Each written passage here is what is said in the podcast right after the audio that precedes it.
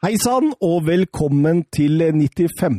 episode av den eh, storslåtte, selvkritiske, men også voksne fotballpodkasten 90 minutter. Eh, Jeg har med meg eh, Mats Granvold i dag, mannen som ikke går av veien for tilbud på bananer. Åssen går det?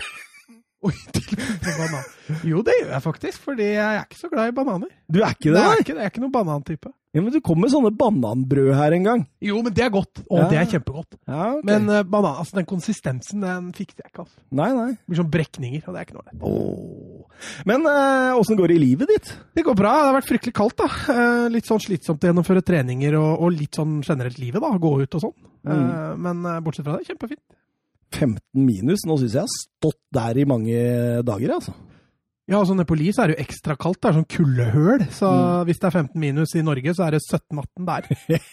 det er deilig, det er deilig. Eh, Søren Døpker, Ja, er du glad i bananer? veldig. Ja, Spiser én hver dag. ja. Og, og det har det. du planlagt. Med klokkeslett og alt. Det ligger i kjøleskapet klokka ti, banantid, Nei, og så ligger det én banan. 14.45. Når er epla? Rett etterpå. Ja. Men du har det bra, Søren? Ja, det er bra, ja. Kan Ja, ikke ja. klage. Hvordan går det med deg? Jo, altså Jeg har pådratt meg en liten strekk etter å ha spilt en times tid med Jente 14 i går. For jeg, jeg, jeg eh, Vi skulle ha spill mot etablert, ikke sant? Og jeg eh, skulle da være sekseren som på en måte satte i gang angrepa bakfra. da. Og, og på den lille timen så pådro jeg meg en eh, voldsom strekk som sitter godt i. Du varma ikke opp. Nei, nei, nei. nei. Så i 15 minus, og så rett på den. Dere trente etablert angrep, og så får du sekseren. Ja, Er ikke det en litt viktig rolle å trene på? Nei, fordi vi hadde ikke Den spilleren var ikke der. Okay, okay. Så da måtte vi heller sette indreløpera godt uh, plassert framover i banen, sånn at de er vant til å ta imot og snu og vende. Ja, riktig. riktig. Ja. Okay. Eh, men eh, nok om det og vårt liv. Det er ikke så spennende, er det det? det ja, men jeg, jeg, jeg, jeg, jeg regner med det at de som Kanskje en av oss skal melde oss på Ex on the Beach eller noe sånt, så får litt sånn Nå er jo bare du som er singel her, da. Ja, men Søren, jeg tenker jo Søren, da. Han må jo være perfekt. Ja, er jo. Tenk ja. Se søren! på Ex on the beach! mange, mange ekser har du, Søren? Nei, det er dårlig gjort å spørre. Du skal få slippe å svare. Eh, Kilo Sierra på Twitter spør eh, hvordan ble Søren egentlig fylt med så mye hat? Ja, Hvis jeg hadde bare visst det, altså. Det, jeg, tror, jeg tror det er skadevirkninger av et eh, liv som Wolfsburg og Lillestrøm-supporter. Det kan ta på i perioder. Eh, men altså, sånn, egentlig hater jeg jo ingen. Nei, det, du, du påstår det, men det, det er folk De folk veit bedre, som, vet, som blir sagt når, før mikrofonene skrus på. Det er mye hat der, altså. vi, vi må ha spilt inn en hel ekstra intro. Eh, Fordi han hadde mye hat for seg, og så fikk han eh, kalde føtter. Og vi... Spilling på nytt, ja. Stemmer det. Det var en som fikk det litt hardt her, ja. Ja, han fikk på pukkelen, for å si det sånn. Eh, Bokstavelig talt. Eh, Sandra HJ spør på Twitter plukker opp tråden fra forrige ukes fantastiske spørsmål. Hvem av dere var mest lik Jack Grealish på fotballbanen? Kanskje urettferdig mot Søren, siden han er keeper. Mats, vil du svare? Nei, svar du. For det blir deg. Ja, det, er mest troverdig hvis noen andre sier det. Det var derfor jeg eh, tenkte at du Ja, men, men du, du er jo altså, Jeg vil ikke sammenligne deg med Jack Grealish, men du, du, du har i hvert fall Du hadde den teknikken og den én mot én som var eh, Ja, til tider så imponerte du meg. Ja, drive offensivt var det som var Ja. min styrke på banen. Men, men jeg tror nok ikke jeg har utseendet til Grealish. Nei, Uh, den du er ikke stygg. Nei, nei, takk. Nei, nei. takk. Eh, men jeg mangler nok også litt den mentaliteten til Grealish. Jeg var litt mer humørspiller. Ja, Grealish er han er nok humørspiller, men, men det syns mye mindre. ja, ja absolutt. Altså, Hvis vi lå under 3-0, så var det egentlig bare å bytte ut meg. Ja, Moralen Ja, det, og jeg kunne fint dra med meg andre, og det var ikke noe problem. Så, så kanskje sånn spillestilsmessig så er, må det nok bli meg. Det tror jeg nok. Og så får Sandra heller spørre om hvem som er mest lik Roy Keane. Ja, da blir det Søren. Nei, han, han eh, sa jo bare Manuel Neuer han påsto her i stad. det må jo bli det. det er jo, altså, av oss tre er jo den som er mest lik Nanina, Neuer. Det er riktig, faktisk. Ja, og så fikk vi et spørsmål fra en som kaller seg for Early Grey på Twitter. Jeg tror ikke det er hans opprinnelige navn. Kanskje han heter Early til fornavn og Grey til etternavn? Ja, eller Grey Early. Eh, Hvem i verden er bedre enn Jack Grealish denne sesongen, følger han opp med. Ja, vi, vi snakka litt om det før vi gikk på her, og det er veldig vanskelig å sammenligne. Uh, altså, sammenligne Kane og Lewandowski med Grealish er ikke så fryktelig lett, altså. Det er jo ikke det. Det er jo ikke det. Og, det, Og spesielt med tanke på hvor de spiller på banen, men også hvor, hvilken klubb de spiller for. da. Men eh, at eh, han kanskje er Ja, jo. At han er best i verden på venstre kant nå, det kan vi jo Så nesten han forsvarer et plass på sånn Premier League-lag? Ja, han gjør det. Ja. Han gjør det. Det var, det var Stirling jeg ville ha ut, var okay, Ok, ikke- er du enig, eller, Søren? ja, jeg kan godt være enig i det. Ja, ja.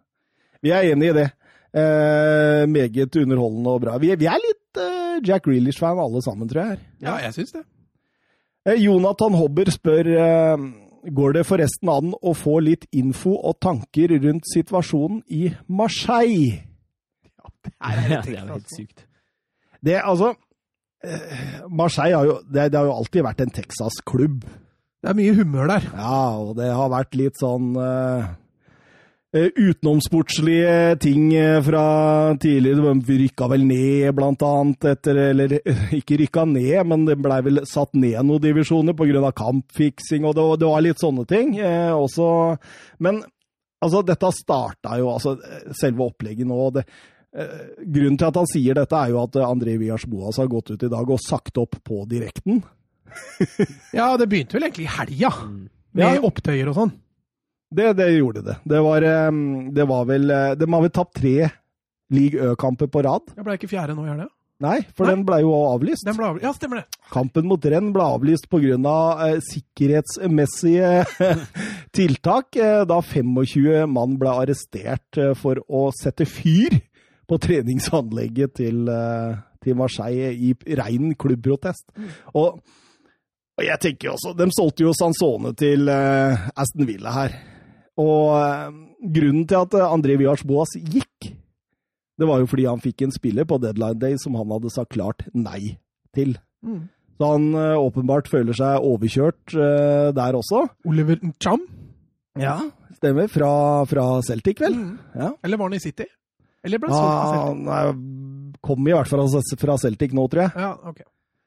Um, og det er jo liksom altså, Og alt som har vært innad i klubben med Tauvin og, eh, og godeste Paillet også, og de kranglene de hadde. Ja, eh, Dem er litt fine, da. Det var litt gullkorn i de kranglene der. ja, Paillet som skal bli president i Marseille og planlegger for det allerede nå. ja. ja. For å kunne være storsinna og si jeg går ned 30 ja, i lønn. Og Tauvin som eh, ja, hadde klaga litt på vekta til til til Paillet og diverse. Så det, det, det ser ikke veldig bra ut der, og nå må de få rydda opp de amerikanske eierne. De, eh, de skulle jo skape gull. De skulle skape et lag som eh, skulle kjempe med PSG, og som skulle være med å kjempe i Europa. Eh, nå er det skikkelig, skikkelig eh, krise der. Eh, også økonomisk, har jeg hørt. Så, Ja, de er vel Klarte de Europa i fjor? Ja, de ble jo nummer to i fjor. Ja, de så de kom jo til Champions League, League. og så satt de vel eh, Champions League-rekord, tror jeg, med antall tap. Ja, Ja, sant, det var jo da Vias Boas uttalte ja, vi er ræva, men, men vi er i hvert fall med. å kunne være så ræva. Nei, så det, det blir spennende å se der nå hvem som våger å ta over den stafettpinnen etter André Vias Boas. Ja. Det, Det er Nå ryktes det Benitez, har jeg lest nå, rett før sending. Ja, men tror du han våger det, han da? Altså, jeg, jeg, det er jo det er liksom det som er problemet med supporteropptøyer. Du får jo Du stiller jo meget mye svakere på både trener- og spillermarkedet. Mm. Jeg husker jo det da For noen år siden gikk jo noen sportingsupportere løs på spillere med balltre. Eh, Bas Doss ble jo blant annet uh, skada i hodet, og flere spillere ønsket seg jo egentlig å være vekk. Forståelig nok. Ja. Og det var jo også noen Lillestrøm-supportere som venta på en LSK-buss her når det ble en del tap, husker du det? Ja, det var, det var i fjor, i starten av sesongen, ja. Ja. Det var, vel, var, det, ikke- var det ikke etter 2-2 borte mot Jerv at de det, venta? det var det. Da Ja. sto de på Åråsen og venta på spillebussen, og, og spillerne var nærmest uh, sjokkerte. Kan det? Det står noen par Lillestrøm-supportere oppe i Molde nå og venter på en islending som lander oppi der. Ah, er dere klar for de fantastiske ti spørsmål? Uff da. Ja da! Mhm. Eh, men eh, Søren er favoritt. Jeg har jobba altfor lenge. Jeg har begynt å konse ennå. Nei, nei, nei. Men eh, veldig ofte er jo den som eh, er favoritt, som eh, ryker i disse spørsmålene. Ja, så Søren er favoritt. Ja, du, skjø- Ja, jeg vet ikke om jeg er helt enig, da. Han slo av med noe, så nå blir det hett her. Vi begynner i hvert fall med en oppvarmingsrunde i disse spørsmålene, og vi eh, har et tema. Eh, det er Europa League-finalen i 2017 mellom Ajax og Manchester United. Og Mats, du får første spørsmål. Har du navnet på en målskårer fra denne kampen? Nå fremstår jeg ikke veldig god her. Eh, Pogba! Ja, helt riktig.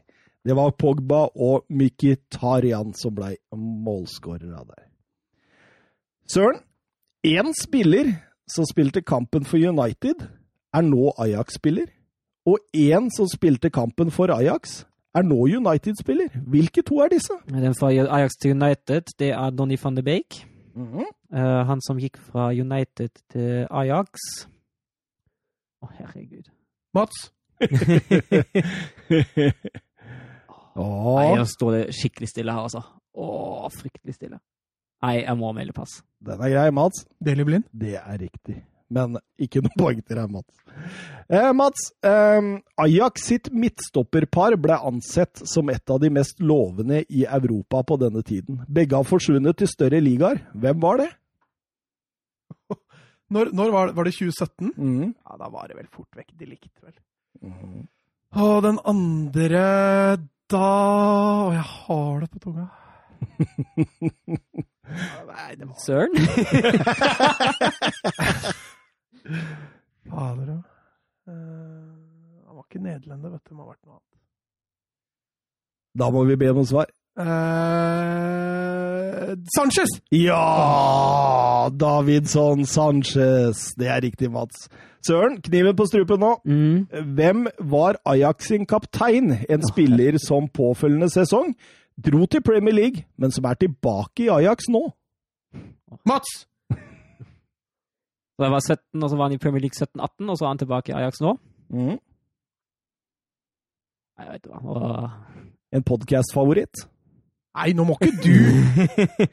Podkastfavoritt. Jeg vet hva, det står fryktelig stille nå, altså. Nå helt ute. Da gir vi null poeng til den, Ja. så kan Mats svare. Jeg ble litt usikker, jeg, nå, for det er ikke så lenge siden. Men har du vært i Bremen, eller? Ja da, Ja, ja da. selvfølgelig. Er det Davy Klasen? Det er Davy Ja, Den bør jeg ha tatt, altså. Mats eh, Spørsmål uten press nå, da. Ja, det er deilig. Ja, ja. Tre av spillerne i Manchester Uniteds førsteelver spiller i dag i Serie A. Kan du nevne to av dem? Smalling og Young? Mm, det er feil. Oi. Eh, nei, da tar vi eh, Lakaku. Smalling, Darmian og Mkhitaryan. Ehm, Søren, Mm. hvor blei denne kampen spilt? Aner ikke. Friends Arena i Stockholm. Da går Mats av med poenget der. Spørsmål nummer to. Her svarer dere annenhver gang til en av dere ikke kan svare. Og ifølge Transfermark, hvem er de 15 mest verdifulle spillere i verden som har passert 30 år? Verdien strekker seg fra 80 millioner euro til 35 millioner euro, så man kan trygt si Mats. at det er gode spillere her. Ja, Det er litt dumt å gå først, når du først svarer feil. Men eh, det er vel et sikkert kort å si Messi, vel. Det er vel det han er nummer én. Cristiano Ronaldo. Han er nummer tre. Lewandowski. Han er nummer to, så dere begynner fra toppen her.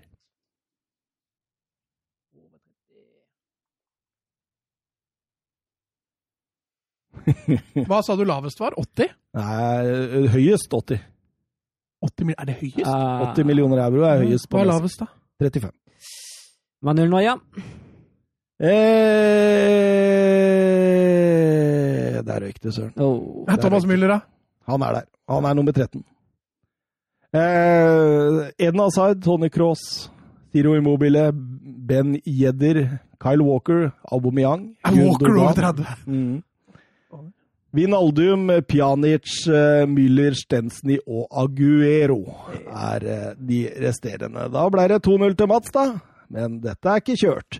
Hvilken klubb? Vi skal nå fram til en klubb, og jeg leser litt eh, historie for dere. Klubben ble opprinnelig stiftet i 1892 som en sportsklubb, hvorav fotballdelen angivelig startet opp i 1899. I de tidligste årene var det rugby som var det viktigste for klubben, men takket være tyske og engelskreisende tok fotballen raskt over tronen som klubbens viktigste idrett, vil enkelte historiebøker hevde. Klubbens første storhetstid regnes helt tilbake til 1920-årene, da de vant ligaen og dro i land en hel haug med cupmesterskap. Men det virkelig storhetstida var på slutten av 80-tallet og begynnelsen av 90-tallet, hvor laget vant hele fem seriemesterskap på rad, som også ga et Champions League-trofé. Søren Det var søren. Olympique med Marseille. Det er helt riktig! Det er helt riktig. Den er god. er du sikker på at Søren var først? Ja. Jeg hørte den s- Ja, men det, det har du snakka om før òg. Ja, men jeg, jeg var ganske sikker. Og jeg, jeg, jeg, jeg, legger meg, jeg legger Ja. meg flatt. Eh, spørsmål nummer fire. Jeg leser klubbene i kronologisk rekkefølge, og dere skal fortelle meg hvilken spiller vi snakker om her. Vojvodina, FC Groningen, Tvente, Southampton, Ajax.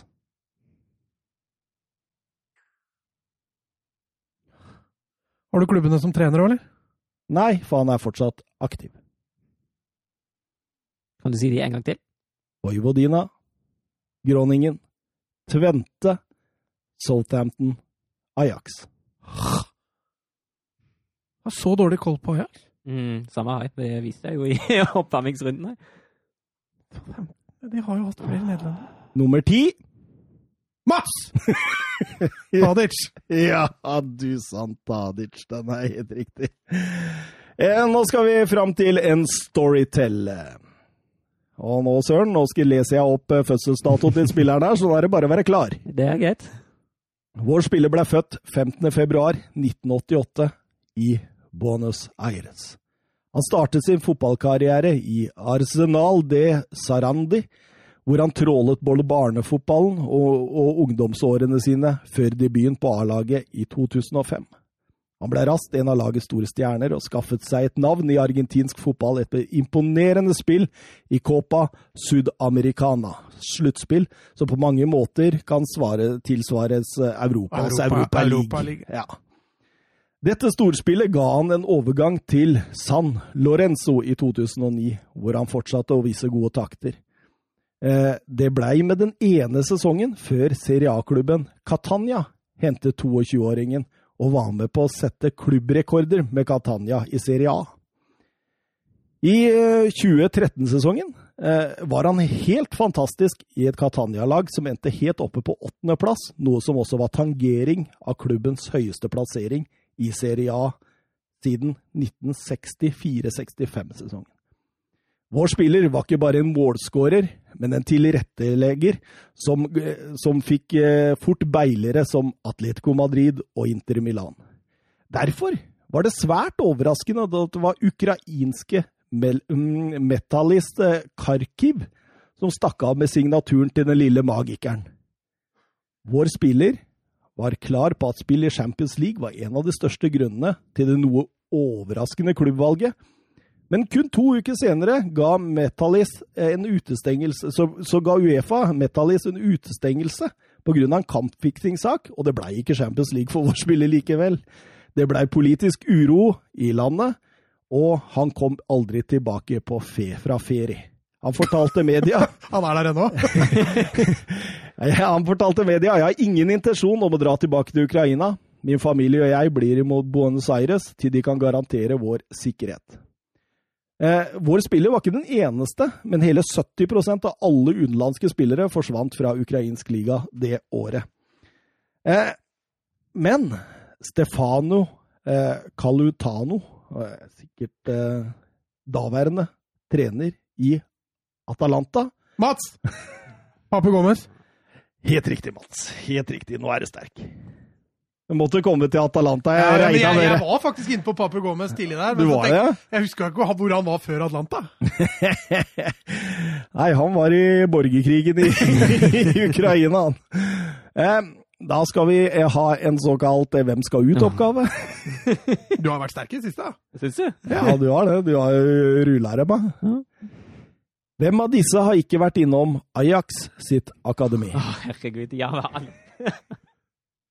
Ja, men tenk nå, tenk nå. Daniel Malen, Sven Båtmann, Steven Bergwijn, Memphis Depay. Kan du si det en gang til? Ja, nei, jeg har ikke peiling. Daniel Malen, Sven Båtmann, Steven Bergwijn, Memphis Depay. Nei, jeg må bare ta en sjanse. Jeg ligger så langt unna. Søren jeg sier Bergwijn. Vil du svare, Mats? Ja? Jeg gidder ikke å svare hvis det er riktig. Nei, det er jo ikke riktig. Nei, ok. Han er PSV-produkt. Ja, fordi Nei, han er Ajax-produkt og PSV-produkt, så jeg prøvde å lure dere litt. Bergwijn. Ja. Han er et Ajax-produkt. Ja, men, men nei, nei, nei, nei, han er PSV-produkt. Å ja. Ja. Men hva var spørsmålet? Hvem av disse har ikke vært innom Ajax? Ja. Ja, PSV, ja da. Du sa jo at han er et PSV-produkt. Ja, men hva er innom Ajax òg. Å ja, så han har begge deler. Ja, men han øh, Ja. Men det er ikke det som er Hvem av disse skal, har ikke vært innom Ajax sitt akademi? Ok, Daniel Malen, han er jo i PSV nå. Det var han jeg tenkte på i stad. Ja, øh, og så har du eh, Ja, da sier jeg Malen, da. Ja, men det er ikke han. Nei, ok. Nei, da sier jeg Memphis Depay, da. Det blei rotete. Han får ikke poeng for det. Nei, han gjør ikke det. Jo, jo, jo. Han får, får ikke poeng for den. Men spørsmålet er om ikke jeg skulle ha klarert denne litt bedre, men ja, vi får fortsette. Eh, det blei jo 25% sjanse for å treffe uansett. Eh, Spørsmål nummer sju. RB Salzburg er en slags hovmester for fortrinnsvis Bundesliga, men også andre store europeiske lag. De serverer unge, fremadstormende spillere over en lav sko for en ganske rimelig sum med penger. Braut Haaland, Sadio Mané, Upamecano, Kevin Campbell Navnene er mange. Men hvem er RB Leipzigs dyreste Mats. eksport gjennom RB Leipzig? eh, Hvem er Salzburg?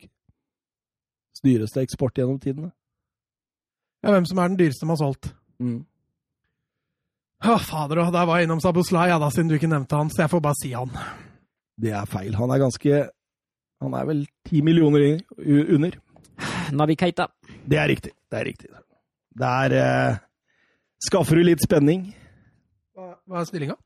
Eh, jeg 4-2, prøver å få 4-2, kon- tror jeg. 4-2, ja. Helt riktig, Søren. Det er bra du har kontroll og ikke quizmaster. det er mye, mye papir her, vet du.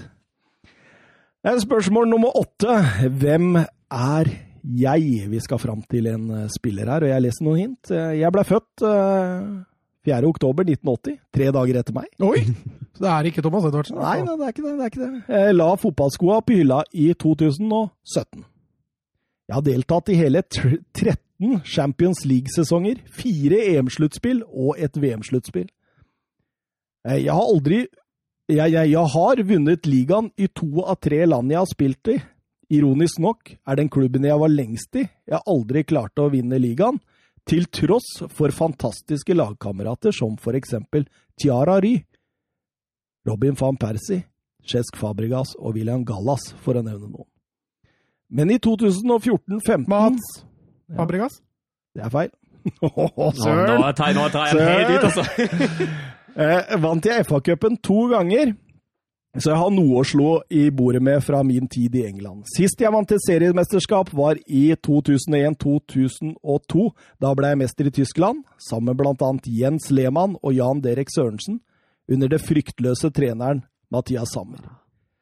Jeg har blitt kåret til årets tsjekkiske spiller. Ja, Søren til- Thomas Rositski. Ja. Hadde det egentlig der allerede. 4-3, det- og nå drar det seg til før de siste spørsmålene her. Spørsmål nummer ni, og dette er et spørsmål sånn som jeg digger, og som dere, begge dere to hater. dere Ja, hater men dem. Forklar det ordentlig nå, da. så ikke Ja, vi... men, nei, men altså, spørsmålet sier seg sånn Ok, ok. Ja. Gestefot og Jorge Mendes fungerer for Sånn. Wolverhampton omtrent slik Jim Solbakken har gjort for Ole Gunnar Solskjær og Molde. I dagens Wolverhampton-stall er heller sju spillere pluss trener Nuno Espirito Santos representert av Jorge Mendes. Kan dere nevne minst fire Søren. av de sju? Neves. Det er riktig, Søren. Motinho. Det er riktig, Søren. Silva. Eh, Hva er spesifikt nå? Silva? Ja, eh, han eh, spissen. Eh, det kan godt hende. Jeg har den ikke på lista her. Og Rui, jeg kan i hvert fall Rui Patricio. Rui Patricio er riktig. Kan du en til, eller? Så må vi sjekke Ja, det ut. er Podens, da. Ja, det er helt riktig. Det er bare å ta portugisere, det, så er du i mål. Ja. Vi sier den er grei. Den er, eh, den er nok helt sikkert grei. Eh, da kommer vi til spørsmål nummer ti. Oi, oi, oi. Hvis ingen av dere tar denne, så blir det ti for ekstra spørsmål. Oi, oi, oi. Spørsmål nummer ti. I 1920-sesongen ble én spiller ligamester i to forskjellige land. De Sir. og Ja. Odrio Sola. Ho-ho-ho, den er sterk! Oi, oi! Tidenes comeback! Søren døkker. Det er det villeste. Du får en pose med Tao Kei Noi. Å, tusen takk. Eh, det er eh, en eh, potetgull fra, fra Thailand eller noe sånt noe, med masse chilier utapå. Spennende. Ja, så den tror jeg du kan kose deg med. Ja. Pann med øl, har jeg hørt. Pann med øl. Furi. Eh, vi går bare til, eh, til intro.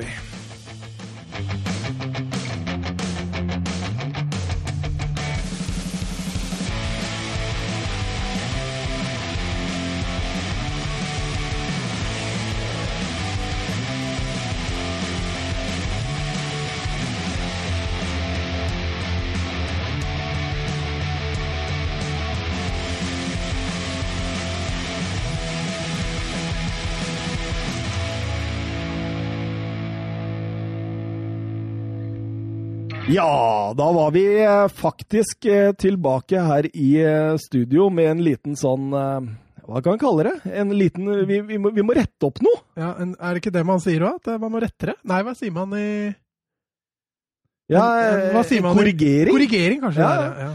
Fordi vi fant ut i ettertid at Fabio Silva han er jo slettes ikke representert av Jorge Mendes. Det betyr at det er 4-4, og vi må over i såkalte ekstraspørsmålet for å avgjøre hvem som skal få den der herlige thailandske potetgullen eh, med ekstra chili i seg. Og da skal vi fram til et fiffig spørsmål. Dere har begge funnet fram notatblokkene deres. Og jeg skal rett og slett fram til en enkel eh, sak. Når blei Paris Saint-Germain stiftet? ja. Du skal ha årstallet? Mm. Måneden? Årstallet.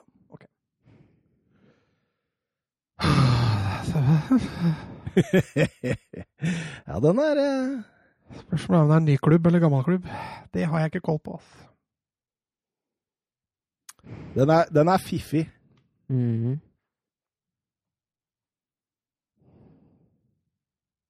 Det var derfor jeg tok den litt òg. For det er vanskelig å helt eh, vite her. Søren eh, har Mats? eh, lagt eh, fram svaret sitt her. Ok. Jeg har bare skrevet 19 foreløpig, skjønner du, Søren. jeg har ikke helt bestemt meg hvor høyt opp jeg skal gå. Å, herre min hatt, det er greit. Det her er helt sikkert ute og sykler. Det er ikke så gærent. Du bomma med 20 år. Ja, hvor mange bomma Søren med? Null. Oi, nice. Du traff eksakt, Søren. Fy fader. ja. 1970 er helt riktig. Det var sammenslåingene av to forskjellige klubber i Paris som ble Paris Saint-Germain i 1970. Så da har vi faktisk eh, kåra en vinner likevel. da. Ta potetgullposen, da! Ja, takk. Eh, Mats føler seg litt eh, med det. Det er greit. Gå videre, videre. Ja, vi går, vi, vi, vi går videre.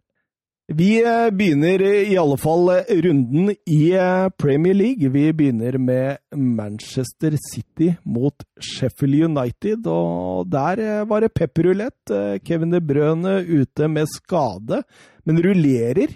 Cancelo, Stone, Stirling og Mares likevel. God Fikk du en trøkk nå, eller? På, På fancy, ja. ja. Voldsomt òg. Men eh, slo godt tilbake igjen med at jeg hadde Sala som visekaptein, når Stirling, eh, min opprinnelige kaptein, var eh, ute. Ja, ja. Men eh, City eh, eier jo kampen fra første spark på ballen, gjør den ikke det? Gjør det, og selv med Cancelo ute, det er jo Sinchenko som overtar den Cancelo-rollen som en litt mer oppbyggende, oppbyggende back, og det fungerer jo, fungerer jo helt greit. mot er tidligere midtbanespiller også. så Det er en rolle han fikser greit. Og så handler altså Gabriel Jesus han skårer jo etter åtte minutter. Irriterende at han ikke løper rett bort til Ferran Torres. Ja, Jeg synes det er for Ferran Torres tryller jo! Ja, altså, En ting er jo det at jeg skjønner at det er noen kilo som går av skuldra til Jesus der, men det målet der hadde jo aldri engang vært i nærheten av å blitt skåret, hadde det ikke vært for Ferran Torres. Nei, absolutt ikke. Og, og, og det målet på en måte definerte litt kampen nå, for nå kunne bare City egentlig hvile med ball. Og eh, det- det var jo svært lite Sheffield United fikk til framover i banen, Søren, var det ikke det? Ja, det var det. Altså, det ble jo Det eneste de gjorde, var vel å slå litt langt. Og det hadde jo City uh, sjøl uten Stones ganske god kontroll på. Mm. Ja, Det var knapt nok en avslutning i den kampen der, Sheffield United. De har knapt nok ballen i den kampen der, så etter det så er det jo Det er ikke litt spennende engang. Det var én ting som slo meg når jeg så kampen utover i annen omgang, det er jo det der at eh, når man har ballen, så kan jo ikke motstanderen skåre. Du fikk litt den feelingen, at, eh, at det var sånn det var. Det, det, jeg, City kunne slått på turboen, det kunne blitt 2, 3, 4, 5, 6. Helt sikkert, tror jeg. Men, eh, men eh, de kontrollerte inn 1-0 uten å anstrenge seg, og det var Citys tolvte strake seier i alle turneringer. Eh, klubbrekord for Manchester City har virkelig funnet form. Mm. Eh, Ni av disse, Søren, de er vunnet i januar. Og det betyr at Manchester City er det laget med flest seire i én måned. I alle de fire øverste divisjonene i England siden fotballen starta opp der i 1888. Sånn rekord for evigheten, rett og slett. ja, rett og slett, altså. En Ni seire. ja, det eneste mulighet for det er jo fordi det er koronasesong. Så det er veldig, presser- Ja, ja. veldig tight. Så altså, Koronasesong er ikke sikkert vi får igjen, så den er nok en rekord for evigheten. Men uh, artig rekord. Artig rekord. Det settes rekorder i korona òg. ja, det gjør det. Men, uh, men uh, det er jo uvanlig pep, det vi ser, da. Men fra tidligere lag. Mm. Ja, jeg tror vi ser en Pep som har utvikla litt. Grann. Eh, Han har vel eh, lært litt av fjorårssesongen, og så har han vel planlagt årets sesong eh, kanskje bedre enn de fleste. Med tanke på det tette kampprogrammet. Han har fått inn en mentalitet og en fysikk i det laget der som gjør at de, de klarer å hvile i kamper hvor de har kontroll.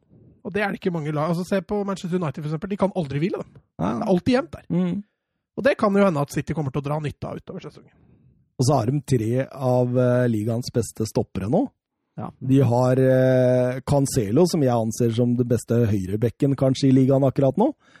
De har uh, en velbalanserende Altså, Gundogan. Ja, velbalanserende midtbane med Gundogan, som har bare tatt ekstra steg nå den siste tida. Og, og Kevin De Bruyne, når han er tilbake, så er jo det noe for seg. Ja, altså det, det eneste er den spissplassen. Altså. Ja, og så synes jeg også, altså Fernandinho er jo bra, men jeg syns også det er litt Den Rodrigo-rollen har heller ikke vært optimal. Nei, ikke optimal, men, men den er god. Den er grei. Den er jo grei. Eh, Vebjørn eh, Fredheim på Twitter han spør er eh, City for solide og gode for resten nå. Det ser jo sånn ut. Eh, og jeg holder dem fortsatt som favoritt etter en litt svak start. Det er jo meget bra det de presterer nå. Eh, og jeg ser egentlig ikke noe lag som kan, eh, som kan true akkurat nå, som det, som det ser seg ut akkurat nå. Jeg er enig. jeg. Det, tror jeg, det her tror jeg City akkurat nå har veldig god kontroll på, så med mindre de skulle få en uh, type van Dijk-skade på en av spillerne sine. Altså kanskje det brønnet, da. Eh, men han er jo ikke ute så lenge. Eh, og så har de en Gundogan som bare har vært fantastisk. Så Nei, dette ser eh, fryktelig bra ut, altså.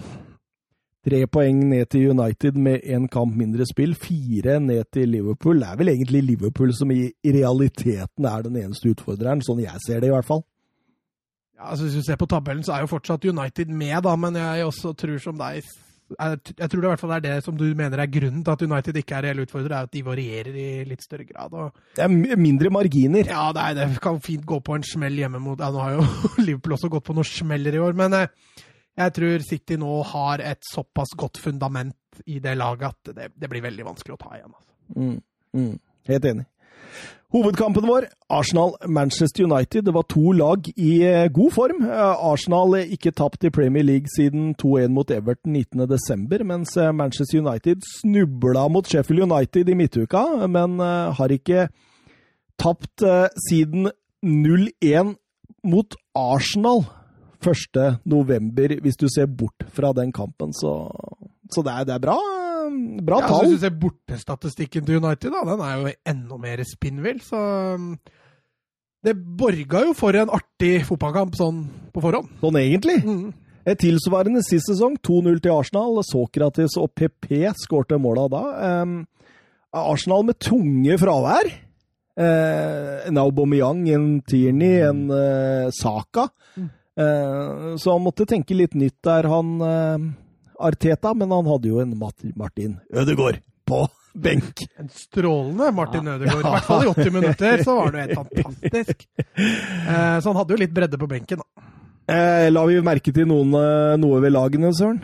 Ja, altså som du, som du har vært inne på, det var litt fravær hos Arsenal. Sammenlignet med forrige kamp gjorde de da ett bytte. Saka må gi seg ha litt hofteproblemer da Martinelli kommer inn. Uh, 4-2-3-1. United i samme formasjon, men United stiller med det som, uh, som jeg anser for å være det beste laget akkurat nå. Ja, jeg kan jo slenge meg på den. Altså, han velger jo McTominay og Fred, og det gjør han jo stort sett hver gang. og det, Pogba har jo vist gryende form, så han må jo nesten med, og da blir det en kantrolle for han. Ja. Men jeg, jeg er litt stussa over at ikke Pogba og Rashford bytta kant. Mm. Jeg syns Rashford er klart best når han trekker inn fra venstre, og Pogba når han kommer fra dypet fra høyre. Ja. Eh, så det, det tror jeg i hvert fall jeg hadde kanskje vært litt mer marginalt. Er det lov å si at det var en ganske rolig start på kampen?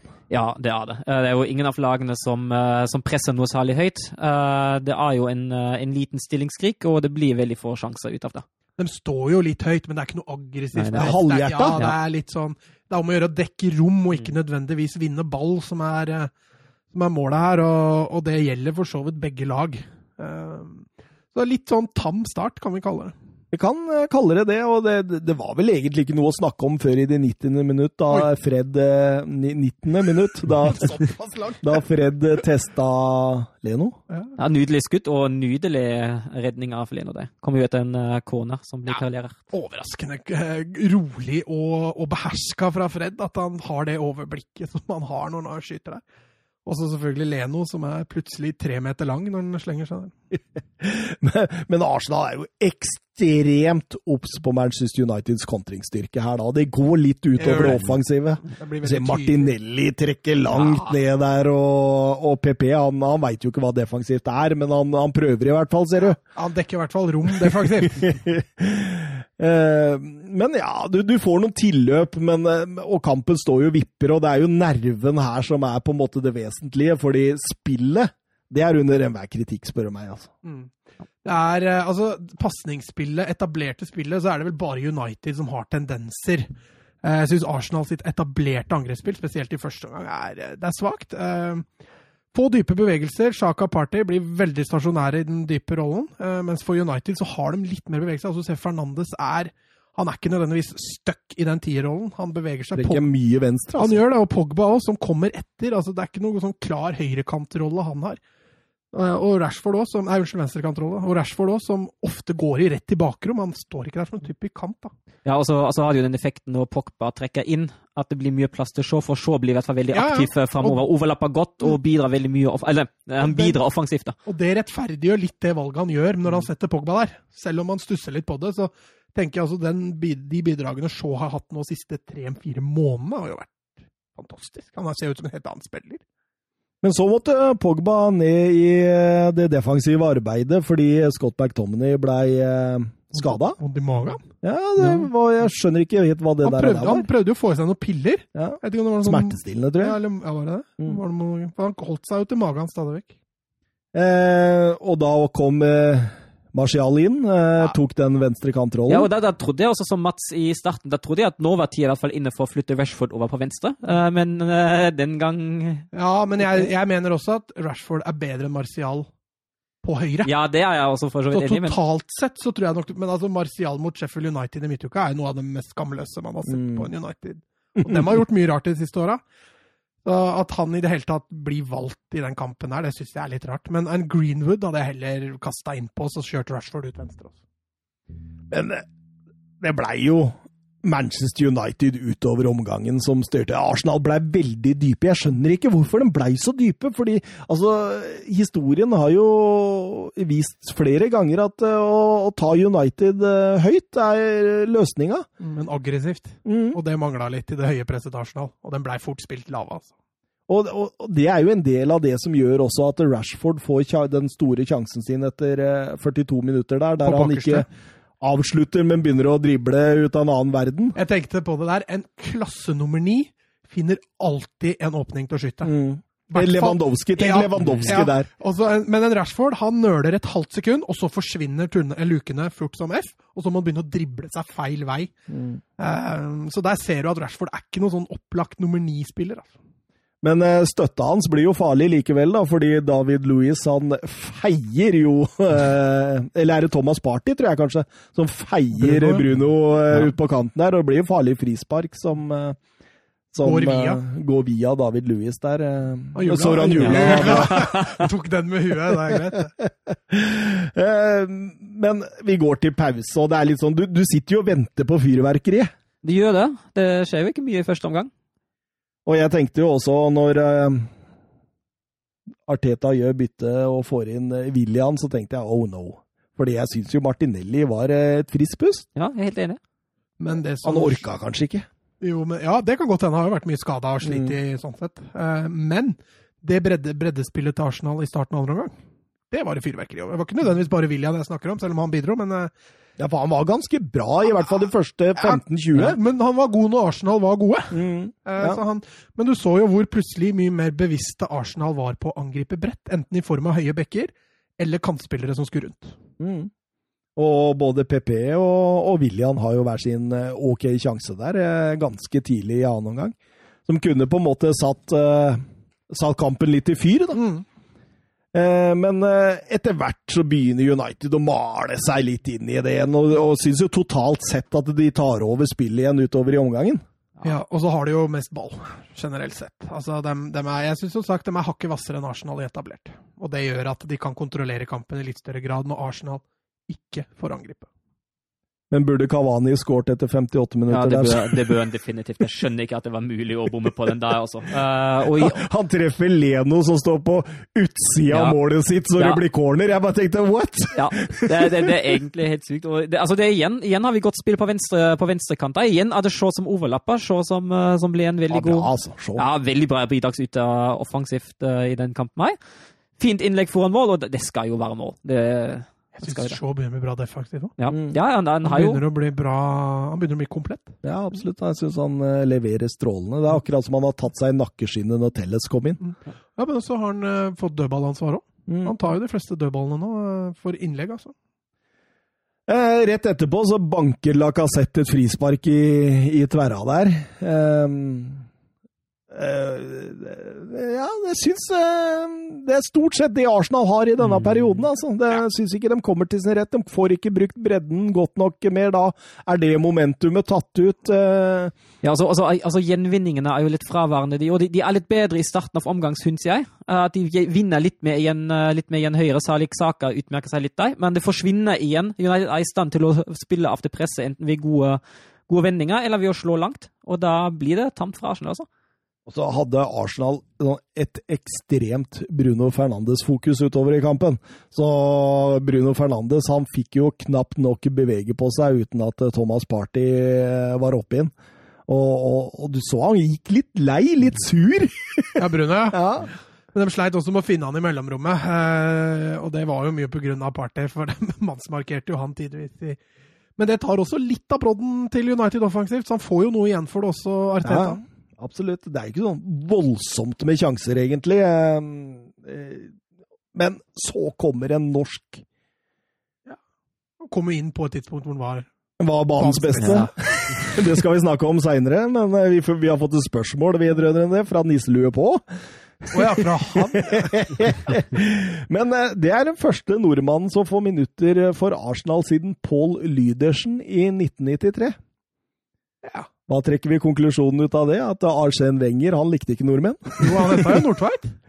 Ja, men Han han, fikk Hauge- men han fikk ikke minutter Han var jo til og med i Haugesund og så Nordtveit. da. Stemmer det, stemmer det. Kanskje der han fikk nordmennene var langt opp i halsen. Alle disse her Han var en tur på, på Vestlandet der. Ja. Skarrgjerder og skriking og måker og reker, og det ble mer enn nok for gamle Arsen Wenger, det. Men det kom jo en stor en til til Kavani, Søren. Ja, og da er det Pogba som eh, vender godt ut til, til Van Bissaka. Eh, og det er Van Bissaka som faktisk eh, viser fram Strålende innlegg Ja. fra Van Bissaka, Mats. Ja, det skjer jo gang. Og Kavani står umarkert, og så faller Altså får han den mens han faller forbi, forbi kassa. Men bør han slippe den der? Det er vanskelig å si. Det er, det er en godt, god, god avslutning. Jo, jo, for all del, men Martial får jo bedre vinkel Ja. bak der. Ja, ja. Altså, Han treffer jo ikke ei låvedør, da. Men, Men, så- men tror du han, han hadde vel sikkert ikke oversikten? Nei, Nei. men Martial skriker helt sikkert Mm. Mm. på fransk. Eh, og så tenker jeg det var en eh, relief for eh, Lacassette når han ble bytta ut, for han lå jo nede på bakken 122 ganger i løpet av den kampen der. Ha, han virka mørbanka mot slutten der, altså. Fått litt juling. Men, men det, det blei 0-0. Ja, Det ble det. men Ødegaard fikk én touch. Ja, par, tror jeg det. Par. Nei, jeg tror det var én. Nei, men, nei, fordi han hadde en sekvens der. Han hadde tre touch på ballen, skjønner du. For jeg husker jeg tenkte da at oi, nå er han jo over det eh, Bisgaard Sunde sa om Haaland den gangen. Ja, vi kan jo spørre Biskår Sunde. Han Han har helt sikkert svar. Han satt hjemme med notatblokka og tegna touch, han. Resultattipset da, det blei ett poeng til undertegnede da jeg tippet uavgjort 1-1. Eh, Lenge siden vi har treffet sånn eksakt nå. Det er det faktisk. Jeg tror den siste som traff eksakt, var Mats. Ja, For, han traff jo eksakt hver er, er, ikke jeg den eneste som har truffet eksakt? Nei, både jeg og Søren har én gang hver, tror jeg. har vi det? Jeg tror ikke jeg har truffet Nei. eksakt, ja. Ja, da har jeg den, da. Du prøvde å få med deg Søren der. Det var snilt, men jeg tror ikke det. Han, han, han er for ærlig, vet Ja, du. det går ikke. Det går ikke. Um, men uh, banens beste, da, folkens. Eh, Mats kan begynne, for jeg pleier alltid å henvende meg til Søren først. Ja, det kan jeg gjerne gjøre. Uh, ja, det var ikke så lett, altså. Det var ikke så mange som skilte seg sånn voldsomt ut. Uh, og jeg sleit litt, men jeg lander på Shaw. Jeg syns han gjør en strålende kamp igjen. Altså, han skiller seg faktisk litt ut. Eh, god offensivt, god defensivt. Har, har veldig bra, bra kontroll. Eh, to poeng gir jeg til eh, Den også var litt vrien å, å ta ut, men jeg, jeg ender til slutt opp på PP. Jeg syns han var helt klart en av de bedre bidragsyterne offensivt for Arsenal. Eh, og den siste gir jeg til Pogba. Ja, fin, fin. Ja. Søren. Uh, Jeg gir tre til Shaw, jeg òg. Men så gir jeg faktisk to til Rob Holding, som jeg syns spiller en uh, veldig god kamp i midtforsvaret til Arsenal. Men jeg er veldig enig med deg, Mats. Det var, det var faktisk vanskelig eh, denne runden. Det er vanskelig å finne noen som skiller seg ut. Se Shaw kanskje den eh, klareste deg, eh, men to til Holding også. Og så er jeg enig med din ene også, at det er Pogba. Jeg eh, dro til med Luke Shaw. Eh, Oi! hadde veldig lyst til å få inn Martin Ødegaard der. Fikk du det ikke til? Nei, jeg fikk ikke dunka han inn der, altså. Eh, Men, eh, men Luke Shaw for meg også. Jeg syns han eh, leverte strålende på venstrebekken. Og, og var på mange måter en av Uniteds farligste offensive spillere også, i likhet med at du er ganske trygg defensivt. Syns han tok brodden ut av PP ganske greit. Jeg har Fred på, på nummer to, jeg, da. Jeg syns han han river og sliter og, og drar i det og øh, gjør sånn at Arsenal ikke får veldig mange sjanser. Eh, Jeg er ikke noe Fred-entusiast, jeg, for å si det sånn, men, eh, men denne kampen syns jeg han fortjente litt poeng. Og så er jeg Leno på et, et par mesterlige redninger der. Gjør at Men, men- det, det, er, det er jo litt sånn at det var litt vanskelig å finne Vi er helt uenige, vi, med seerne til TV 2. Ja, det, det er grusomt, og da kan vi jo gå over til det spørsmålet du snakka om her. Fordi Nisselue på han eh, spør oss om tanker om at Ødegaard ble kåret til banens beste av norske TV-seere, før han i det hele tatt hadde kommet inn på banen. Det oppsummerer faktisk hele nisselue-begrepet, sier vår kjære Nisselue på. Jeg er helt enig. Altså, du vet jo at det er ekstremt satt nå. Det, det berettes faktisk i tyske kicker om det. Facebook-siden til Kicker nevnte det. Ja, ja, men jeg, jeg, jeg tror Altså, det- han Nisselue på blei blei retweeta, holdt jeg på å si, uten å få kreditt for det, av sånne millionkontoer på Twitter og sånn. ja. Altså, når man sitter i stolen, så smiler man litt av det. Man tenker jo 'herregud, nordmenn', ass. Det er liksom ingenting som skal til før vi blir kjempestolte, og, og det skal vi jo være. Våre profiler, vi må ta Haaland, Ødegaard, disse Ja. gutta. Altså, kjempegode fotballspillere, og det skal vi hylle. Men dette her Og jeg tenkte på det, heldigvis er dette bare for oss nordmenn. Det er ingen andre som ser dette. Ja, Så begynner jo folk å retweete dette over hele verden, og da blir det jo litt flaut igjen. Men, men, men de der kåringene der Sitter de Altså, fordi du kan jo vinne denne drakta.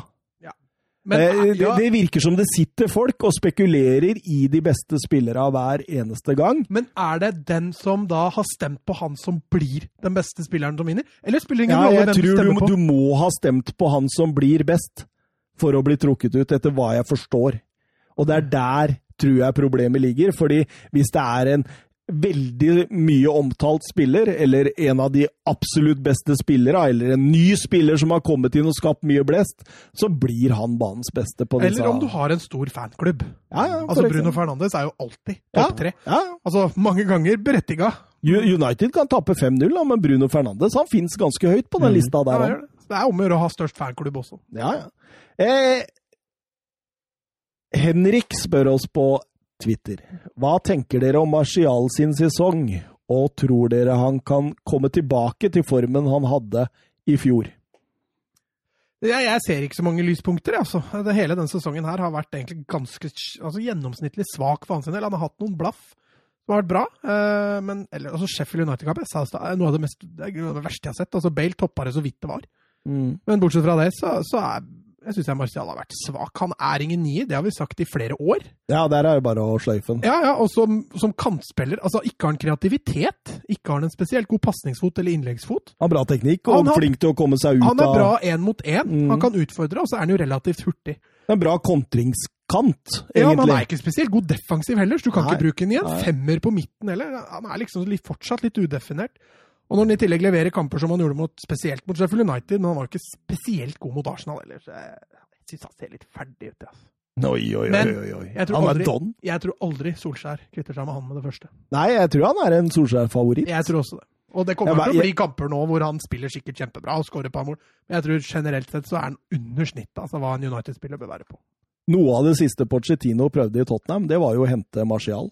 Jeg forsto også at det var ganske nært. Og jeg husker jeg tenkte da at oi, han vil jeg gjerne ha. Kjør, kjør på. Eh, Hadde Mourinho henta han nå, så hadde du tenkt eh, sånn ut på benken. ja, nei, det er nettopp det, da. At den venstrekanten der er vel opptatt. Men, men at Martial er ikke som nier, i hvert fall. Da må det være så at han får noen kamper ut på kanten. Og den venstre kanten der, der er Pogba best, der er Rashford best. Da må Rashford opp. Eh, Kavani er best som nier. Nei, nei! Jeg ser ikke noe vei ut, jeg. Altså, gjør du, Søren? Nei, faktisk ikke. Noe vei ut, altså at han får Ja, spille. ja, noe vei ut, i, ut, i, ut av elendigheten. Nei, altså Det eneste er jo at han får litt eh, Med tanke på tett kampprogram, at han får litt kamp av deg. Men Ja. eh, jeg, får, jeg, får, jeg er enig i det Så kan det jo løsne, det har vi jo sett før. Jo da, men, jo da, men jeg tror også han får en del spilletid, for han kommer til å avløse Kavani Mm. som nier. Ja. Aune på Twitter. Han har et bilde av eh, Wayne Rooney på Twitter-profilen hans. Hvis det ikke er Wayne Rooney utkledd som Aune på Twitter, det får vi, det får vi ikke vite. Men, eh, og da kan han i så fall norsk, for han spør eh, hvem burde Manchester United signere i sommer. Og, og Mats, du hadde ganske klare tanker om det. Ja, altså, jeg ser altså Skal vi begynne med sånt, så må vi jo først se hva United må forsterke. Og de to kanskje mest prekære posisjonene de bør hente forsterkninger, er jo stopper og spiss, som jeg har vært inne på. Eh, Ikke defensiv midt, eller?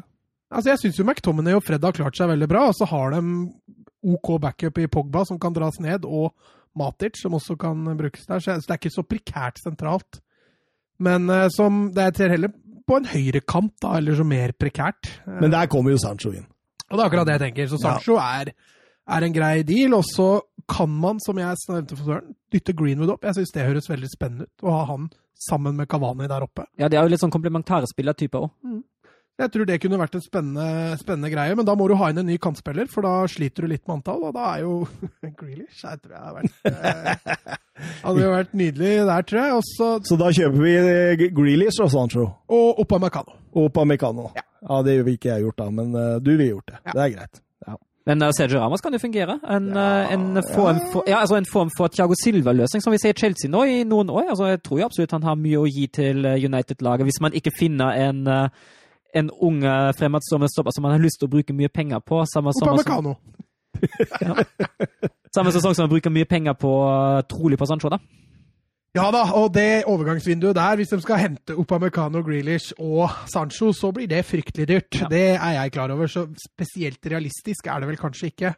Men jeg tror nok det er det, kanskje det, de tre overgangene jeg ville prioritert. Ja. Det er ikke Opamecano med en annen stopper, kanskje en Mathias Ginter, men uh... Og så går det an faktisk å forsterke den høyrebekken, for eh, er sånn offensivt sett, så defensivt så holder han massevis. Ja, jeg har slitt fælt. Du ser også i Arsenal-kampen hvordan han stadig vekk er ute og Ja, men han er så god til å takle. posisjon. Det er så deilig å se de sklitaklingene hans i siste Jo, øyeblikk, men- fordi han har rota seg bort. Han har rota seg bort. Eh, Men eh, Jørgen B. Ready Nystuen han spør jo også på Twitter om eh, Sergio Ramos virker ferdig for sesongen. Det virker ferdig etter sesongen. I sosiale medier liker han til og med spekulasjoner som tilsier han er ferdig. Medier hevder han selv vil til Manchester United. Åssen eh, vil det i så fall gå? Kan dere spå det?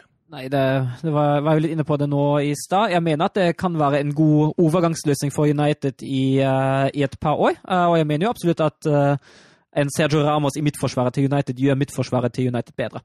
Definitivt. Men hvor seriøst er det? Det er et godt spørsmål. fordi jeg tror også, altså Ramos er ute etter mer penger, eh, og flere år. Etter hva jeg skjønner, så har Real Madrid tilbudt han en ettårskontrakt. Men han vil signere for flere sesonger, eh, så får vi se om de kommer til enighet. At han er litt rundt og liker litt her og litt der, det er, er et litt spill for galleri, tror jeg. Altså, at han skal få opp eh, interessen rundt egen, egen person. Så du er ikke sikker på om han forlater Real? Ikke helt Real? solgt ennå. Det er litt sånn Messi. Jeg er Litt 50-50. Jeg overlater fortsatt gode muligheter til at han blir i Real Madrid. Da. Ja. Ja, ja. Nei, men det er greit, det. Chelsea-Burnley. Eh, Tussel eksperimenterer. Eh, 3-4-3 nå. Børstet støv av Marcos Alonso som wingback, og er tilbake i eh, Antonio Contes fotspor, om vi kan kalle det det. Ja, og har jo, han har jo en uh, helt uh, tydelig matchplan i den kampen her. Uh, man ser det jo veldig på bevegelsene til både wingbackene og særlig Mason Mount. Mason Mount som trekker inn, trekker inn sentralt fra, fra kanten sin. La Hudson og Døy overlappe. Han får med seg Peters på de løpende inn. Og så er det enten Rudiger eller Kovacic som vender ut mot Hudson og Døy, som da står i en én mot én-situasjon og kan slå innlegg. Og det blir, det blir farlig en del ganger. Eh, og så får de Burnley etter hvert gi en god del mellomrom. Og så ser du den tydelige Alonso har litt mer defensivt ansvar enn Cullum eh, Hudson og Doy. Eller Modsen- eh, og Doy der, som jeg trodde tenkte som wingback. Herregud, altså. Er noe av måten jeg uttaler Hudson og Doy på. Ja, ja. Cull- Cullum? Køllum. Han Køllum. Med Ø. Han Køllen. Ja, men jeg er helt enig med deg, Søren. Og, og, og selv om de får en del sjanser og sånn altså, det, er, det er jo ikke sånn at Nick Pope spiller verdens beste fotballkamp. Det er, det, det, er litt, slapt foran mål. Ja, helt enig. Altså, Det ser bra ut til 16-meteren, uh, og så stopper det litt opp. Og så er det jo Timo Werner han er jo blotta helt fullstendig for selvtillit. Det er nesten trist å se på. Nesten, du syns nesten synd på ham når du ser på han der, altså. Ja, men det er, dette er jo en av Tussel sine sikkert fanesaker å få Ja. i gang Timo Werner og Kai Havertz. Jeg tenkte litt på det andre omgang. Det så nesten ut som det sto 1-0. At Chelsea-spillerne prøvde å sette opp Timo Werner for å gi ham den skåringa. Det så nesten sånn ut i noen situasjoner. Ja, og det, det er ikke utenkelig heller at han har sagt til dem at uh, gi Werner noen, noen baller nå, fordi det, det trenger han. han. Han har vel ikke skåret nå siden november eller noe Ja, sånt nå i Premier League. Det, det tærer jo på. Ja, absolutt. Han bommer jo på straffespark, og han brenner store sjanser, og han får jo en del tillit. Så det skal bli veldig spennende å se hvor fort Tuchel får i gang han. Eh, Men, men jeg syns jo eh, de som bærer dette Chelsea-laget framover, eh, er jo Hudson Odoi og? Og, og Jan Køllen, ja. Også, og Mason Mount. Jeg syns jo Mason Mount er fantastisk. Og han kan jo egentlig gjøre livet til Havertz litt vanskelig. Han kan Ja, det. altså Han må jo velge mellom I den formasjonen der så må han jo velge Mount, Werner eller Havertz, tenker jeg, da. Ja, Han har jo Pulisic òg, ja. så han har jo en kjempe, et kjempeluksusproblem. ja Syerts uh, Ja, du har en Syers inn der òg. Og hvis ikke Cullum skal fortsette på wingbacken, så har han jo ikke Jeg regner jo med at Reece James tar den etter hvert. Altså, da må Cullum fram. Men, men, men Tussel han er vel ikke veldig Altså, historisk sett eh, Trebekslinje, det er jo ikke veldig Tussel. Jeg stussa litt på den når den Ja. lagoppstillinga kom. Jeg tenkte med en gang at nei, nei, nei, han spiller ikke med tre bak. Det er Alonso er venstrebekk. Men, spi, men spilte han ikke med fire bak mot Wolverhampton? Jo, jeg tror Jo. det. Jo, så, så, så dette er jo eksperimentering. men da hadde han vel vært på én trening. Uh, Ja. Så det er mulig han bare kjørte litt uh, en test, på en måte, for å få en referanse. Ja, det er, jeg, jeg kjøper den. Uh, men han må stole på gamlefar i huset, Cæsar Aspilicuelta, for at eh, det skal bli mål i første omgang der. Ja, Hudson Odoi, som, som setter opp den skåringa der, fører inn mot eh, forsvarsspiller, venter helt til forsvarsspiller stopper opp, før han da slipper den ut til, til Aspeløy som får en eh, strøken avslutning opp i lengste der. Da går vi til pause, og, og Tammy Abraham ble tatt av, og da tenkte jeg dette var en dårlig søknad. Ja, det var, det var jo helt fraværende. Eh, og så går han jo Han, han skifter jo til og med formasjon, Toril. Uh, eksperimenterer enda litt mer. Det blir jo Det blir ikke helt en 3-4-3 når de kommer ut. Det blir en 3-4-1-2 med Pulisic og Werner på topp og Mount i rommet bak. Uh, fungerte godt, det òg. Ja, spennende, spennende, og jeg, jeg liker liksom Tussels måte å Ja, men han har så mye artige spillere. ja, han Det har er jo det, som Så gjør han kan at det er kose ja, seg. Han kan drive og mikse og Kreativ trikse. Ja, frihet. trikse og mikse, og så bare Oi, ja, det ser også spennende ut. Mm.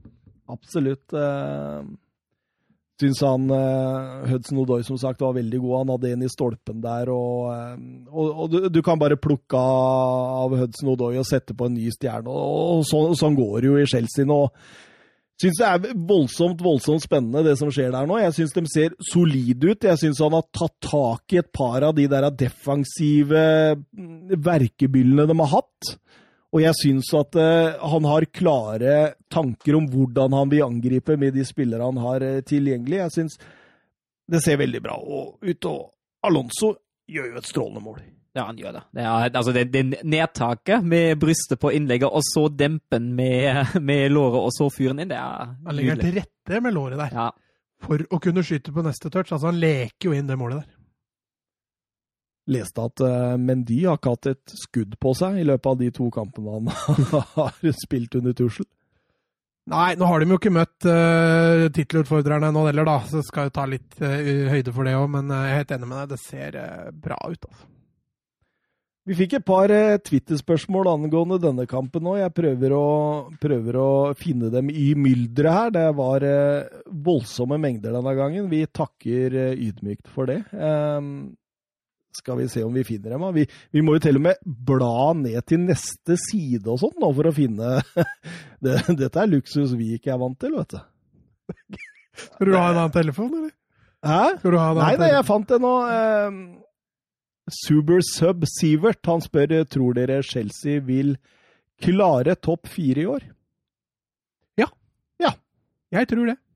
ja, vi tipper dem vel på andreplass, og vi kan jo ikke vingle. Jo, det kan vi. Ja, Den, kan blir, vinne, men eh, den blir nummer fire, tenker jeg. Ja. Uh, spørsmålet her er Leicester, tror jeg faktisk. Leicester kan snyte Chelsea for fjerde. Nei. Tror du det? Jo. Ja, det. Hvem tror du snyter dem, da? Uh, Jeg tror Chelsea blir nummer tre. Og de går forbi United òg. Ja. Du har United så lavt, da. Du syns så lite om United. Nei, jeg tror Jo, Chelsea blir nummer tre. tipper ikke med hjertet. Du tipper med hjertet. Nei. Jo, du tipper Nei. ikke med hjernen. Men se på Manchester United. De, de, de er jo ikke overlegen gode i én eneste match. Og det er klart, da får de sånne kamper mot Sheffield United, og de ryker. Ja, ja, Og dette kommer til å skje flere ganger nå. De har ikke tapt på bortebane i år. Ja, Da det- kan du ikke klage på at det bare er jevne kamper. Jo, for de har stort sett vunnet med ett mål, Matt. Ja, men de vinner for det. Ja Se da, på, men, det, men, men, men, se på men, men Chelsea, da, som også har flaks holder seg ikke, Mats. Det, det er midlertidig. Jo, United har vunnet flere seriegull på flaks. Dyktighet holder seg, flaks er midlertidig. Sånn er det. Du, Ferguson, Fergie Time Ja, Men Ferguson var jo en mann av ære. Det var jo det, det, Det er altså, ikke så men, men så Nei, ikke så lenge han forsvarer eller gjemmer bort Babakar Sarr og diverse sånne ting, så, så ser ikke så, så, så ser ikke jeg det. Men, men altså Det jeg tenker på, Ferguson. Se hva han gjorde da. Se det laget han vant ligaen med sist, da. Det er jo et lag som stort sett alle trenere ville kommet midt på tabellen med, men han vant ligaen. Han- Ferguson er stor. Han er en av de største. Eh, Det har, ikke- vært, det har vært mye flaks også, tilfeldigheter. Ja, men det- Ja, men du det, det, må- altså, det du må du ha litt flaks. Du finner alltid flaks og tilfeldigheter hvis du Se leter Liverpools Ja, gullsesong nettopp. nå Det sist, det da. jeg sier, at Gikk du jo må stolpe inn. Du må Men jo ha flaks. Jo, Men men hadde jo det over lengre tid. Ja, men altså Det er midlertidig. Altså, Ja, jeg også tror de får en knekk, men jeg eh, Ja, greit. Kjør på. eh, Sander eh, Midtstuen, eh, tussel på rett vei? Spørsmålstegn. Ja, det så i hvert fall sånn ut. Altså, nå må, må man jo eh, påpeke at dette var Burnley bor, altså på hjemmebane, og den skal man jo gjerne vinne. Men eh, som du også har nevnt, Thomas, jeg syns det ser, ser veldig spennende ut det han prøver å eksperimentere litt, eh, og gir jo resultat òg. Det var jo en eh, helt gjennomført grei kamp av Chelsea. Men sier man tussel eller tyssel? Tuchel. Tuchel? Tuchel. Tuchel? Ingen- Ingen, ingen av delene. Men du hører jo veldig mye forskjellig rart. Ja.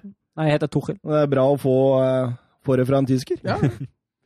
Eh, Westham, Liverpool uh, Ja, en kontrollert uh, god åpning av Liverpool. Mye ball.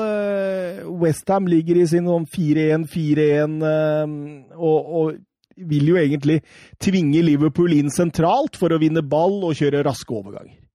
Det er jo det som er planen, Søren. Det er det. Og da, da blir det jo uh, Det blir jo litt sjansefattig av det hele. Det blir Ja, I hvert fall i første gang. Ja, det blir jo litt det. Eh, og det skyldes jo, som du sier, den Westham-planen, Westham men det skyldes også at Liverpool jeg synes de er litt, uh, litt treige til å flytte ballen. Uh, det er ikke de kjappe vendinger som vi er litt vant til under Klopp. Det tar litt tid før ballen kommer over på andre sida, og da har Westham som regel skjøvet seg i posisjon uh, og forsvarer seg godt i og rundt boksen. Jeg tenkte denne kampen behøver et mål, tenkte jeg. det er når Liverpool drev og dytta ball. Ja, i første omgang er det mye Det går liksom litt treigt, eh, men eh, det fikk du viljere i andre omgang, i hvert fall. Man gjorde det, for det, der åpna Liverpool forrykende, det. Ja, og det var jo, ja, det var jo det er morsomt at uh, Milna, Milna går ut, og så forklarer jo Klopp hvorfor Milna går ut. Og så ja, det, ja, det er Jones som blir bytta inn for Milna, som faktisk har assisten, men all ære til uh, Mohammed Salah, den avslutninga der. Han er den ikke målet- ferdigskåret. Nei, på ingen måte, og det er, det er sterkt. Men Men reaksjonen til Milner etter målet, det er den som er priceless. Måten han går glisende bort til Klopp der og dylter bort til, det er eh, Det hadde vært artig å høre hva som hadde blitt sagt der. Er klubbspiller. Ja, ja, utvilsomt.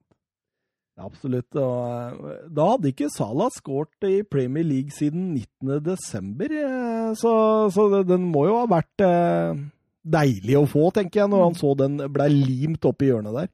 Eh, litt sånn typisk Salah-skåring òg. Står og tråkker litt og finter litt og kroppsfinter. Og det kjappe skuddet. ja, Eller pisk, da, som Nils Johansen hadde sagt. Pisk, ja.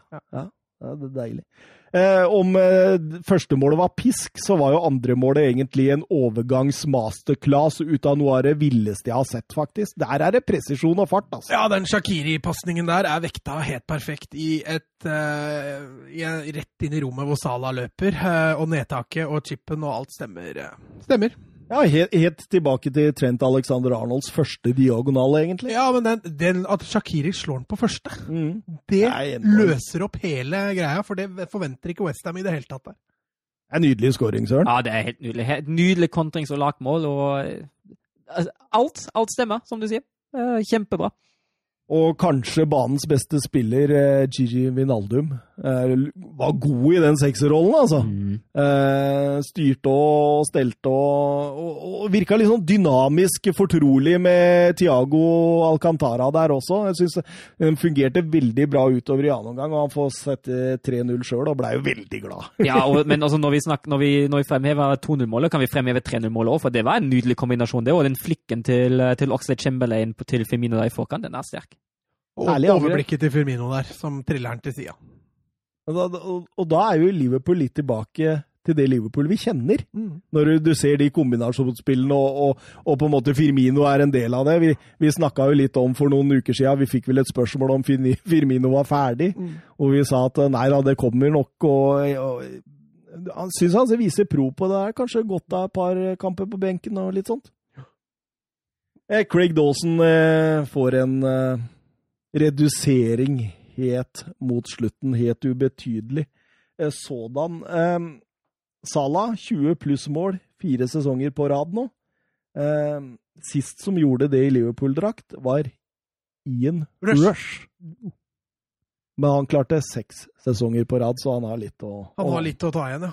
litt å ta igjen. Eh, Twitter-spørsmål også i denne kampen. Hva er tankene deres om stopperforsterkningene til Liverpool i går, og vi har et spørsmål som går på det samme, fra Glenn Thon. Hva tenker dere om de to nysigneringene til Liverpool? Kan gullet komme hjem til Anfield i år igjen? Jeg kan jo snakke litt om uh, Ozan Kabak. Det er jo en av de to som jeg kjenner til soleklart best. Du kjenner ikke så mye til Ben Davies? Da. Nei, så, så, så Jørgen Klopp tulla med at Ben Davies han er jo han i Tottenham. Nei, men altså, Ozan Kabak det er jo en, det er en ganske ung, lovende spiller. Han ser seg fortsatt til, et, til å være et kjempetalent. han er jo kjapp duellstjerne. Kan slite litt på, litt på de første meterne, men når han først kommer i gang, er han en ganske kjapp midtstopper. Han er litt svak i posisjoneringen, og han må i hvert fall bli sterkere mentalt. Vi har jo den spytteepisoden hvor vi har litt sånn, litt sånn mentale glipp som, som kommer da, så det må han i hvert fall jobbe med. Når det er sagt, han har hatt en katastrofal sesong i Schalke, men det er nok tilfellet for hele Schalke-laget. Uh, og jeg tror Klopp har helt rett, fordi Klopp har påpekt at Kabak han trenger et stabilt lag rundt seg. Og jeg er 100 enig med ham at i et stabilt lag da kan Kabak faktisk prestere bra. Hvis han får lov å gjøre feil, hvis han ikke står under press, at han som ung spiller må redde hele skuta bak deg. Det tror jeg hjelper ham veldig, ta litt press av ham og få ham i et mer stabilt lag. Uh, og først og fremst, den overgangen her, det er ingen risiko for Liverpool i det hele tatt. I det hele tatt, hele tatt, hele tatt. De, de, får ham et halvt år nå. De kan se om han passer inn, og så har de opsjon til å kjøpe den. Så dette har forhandlet fram uh, veldig, veldig godt. Og Hvis det funker, kjøper de den, og hvis ikke, er han i Schalke gjennom seks måneder. Det er jo et stort talent. Det er det. Uh, må bare begynne å vise det. Men jeg syns jo, altså, Han har jo det han har jo det i Stuttgart, men det er, jo, det er jo utrolig tøft for unge spillere når det ikke fungerer i klubben. Det er jo det. Og Schalke er kanskje enda hakket verre nå, med tanke ja. på det som er rundt. Ja, altså, altså er det jo, altså, er det jo spørs hvor mye av det er egentlig Kabaks. For jeg er enig i at han har, hatt en, altså, han har hatt en svak sesong, men uh, hvis man ser på det kaoset i Baum altså, Å ikke ha en plan og fornuftig forsvarsspill gitt fra treneren, det hjelper nok ikke en midtstopper. Du ser dumt ut uansett, da. Så, uh, ja. altså, han minner meg litt om sånn der ung Sokratis fra den Klopp-tida i Dortmund, jeg. Han er litt lik eh, den type spillestil. Eh, litt sånn kompromissløs eh, stopper som er bra i, i duellen og litt sånn, men fortsatt litt sånn uferdig, litt ja. sånn uskolert. Men, men at, det, at han under Klopp sine vinger kan bli en suksess, det, det kan godt være. Jeg tror også Klopp er bra på det mentale. I hvert fall når i gode perioder så virker han jo som en strålende sjef. Så får vi se da om han får orden på dette her. Kan du, siden eh, Søren eh, greia ut fint om uh, Kaba, kan du, du ta Ben Davis da, Mats? Ja, det kan jeg, ass. Sånn. Nei, vet du hva, Det er en spiller jeg ikke har noe særlig kjennskap til, så der skal ikke jeg uh, brife noe i det hele tatt. 25 år. Jeg, jeg, jeg, tenker han er først og fremst kjøpt og hentet pga. homegrown-regelen, rett og slett. Og, og, få inn en ny engelskmann der. Han er jo fra, fra områder rett nord for Liverpool og, og, Preston North End, som han altså kom fra og har spilt eh, fotball i siden han var ung. er jo bare jeg tror ikke det er mange steinkast nordover fra Liverpool før, før du treffer den lille byen også. Mm. Eh, vært på voldsomt mange utlån, eh, blant annet Tranmere, som også er en Liverpool-klubb som dere sikkert kjenner til. Eh, og tok vel egentlig eh, det største steget for sånn tre og en halv sesong siden. Da begynte han å liksom på en måte spille seg inn i det Preston-laget. Og, og, og, det jeg har sett han da, så er han jo en sterk duellspiller, men en sånn litt sånn typisk championship-spiller, som mm. du liksom eh, som, som, som, er god til å bryte og sånt, men han har en forholdsvis bra venstrefot. Han har en venstreslegge, og det kan også ha vært med i i betraktningen og da å få inn den venstrebeinte stopperen der. Og, og, og, best av alt, hvis disse to funker eh, Skal like å se begge to bli satt inn samtidig i Premier League. Det tror jeg vi knapt nok får se i år uansett. Men, men, men det betyr at du frigjør jo en Henderson opp på mm. midtbanen, eller en Fabinho, som gjør at de får spille i de rette posisjonene. fordi jeg tror Klopp leiter veldig etter den eh, konstellasjonen på midten som igjen kan gjøre Liverpool til det eh, sykt gode offensive laget som vi så mye av i fjor. Ja, altså se som Phillips og han andre, han Williams, er det han som har spilt ja, litt stopper? Ja, blir litt eh, veike. Den blir, det er ikke helt samme kruttet, og du ser når det skjer noe kål bak der, så har det gjerne vært en av de to gutta der som har kåla det til. og De trenger noe mer solid, og som du sier, det å frigjøre Fabinho og Henderson det tror jeg nesten er en like bra forsterkning i gåseøyne som å mm. hente de to gutta. Ja, det tror jeg òg. Det tror jeg òg. Jeg tror det er eh, rett og slett eh, gjort også med tanke på det. Mm. Um, litt flatterende for Liverpool å starte med tre veldig gode stoppere. Uh, fikk litt kritikk for at de kun hadde tre, og så her blir alle tre langtidsskada. Det Ja, er jo Matip. Ute sesongen. Ja, han er det, ja. Mm. Da snakker vi. Det blir mye stoppertid på Fabinho, tror jeg, ved siden av Kabak. Ja, det blir jo eh, jeg. Fabinho ved siden av Kabak Ja. eller Davis. Ja, tror det. Tror det. Eh, Om Liverpool kan ta tittelen eh, i år? Jo, det, de, de, de kan jo! Hvis de kommer til Nei, ok. Nei. Nei. City tar det. City tar City tar det. Beklager, Glenn. Jeg prøvde å være positiv på dine vegne. Um, Det bryter vi fort ned her. Positivitet. Ja, i det, er ikke, det, det er ikke velkommen, er det. I hvert fall nå, for nå skal vi over til Brighton-Tottenham. Uff da. Og da, For deg, i hvert fall.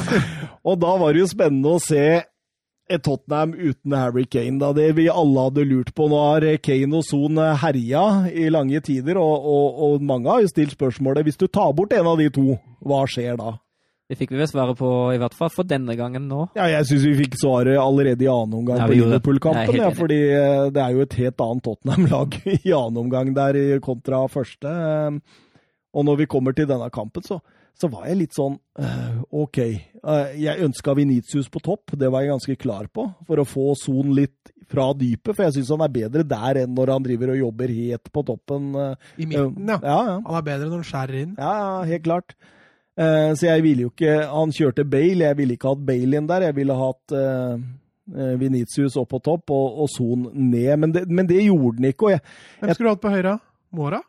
ja, Mora er fin å bruke der. Mora er fin å bruke, ja, og, og Bergwijn òg kan så fint uh, Bergwijn spilte jo. Han kan, jo, jo, men vi bytter jo Vinicius med, Bale. Med Bale her, ja. Okay, okay. Um, jeg syns Brighton tar tak fra første stund, og jeg syns Brighton fortjent går opp i 1-0. Ja, jeg er helt enig. De har jo også et stolpeskudd ved, ved Grås, og så er de faktisk best i banespillet, men de er også veldig gode til å til å frata Tottenham de styrkene de har. Du ser det når, når Brighton mister ballen i egen halvdel, eh, Tottenhams halvdel, så står det med en gang to eller tre spillere rundt ballfører at det ikke kan bli satt i gang de kjappe overgangene som Tottenham er så kjent for. Så den bakromstrusselen, unntatt den ene, den ene, det ene greia der Son hadde mot slutten av omgang, det er nesten helt borte. Så all ære til Brighton, og samtidig klarer de kjempefint i den eh, 5-3-2 som de står i, eh, og stenge av Tottenham sentral midtbane med de to spissene og tre sentraler som de har. Eh, Skaper overtall sentralt på midten hele tida, egentlig. Altså, Tottenham har én avslutning i første omgang. Eh, de har knapt nok etablert angrep. Det...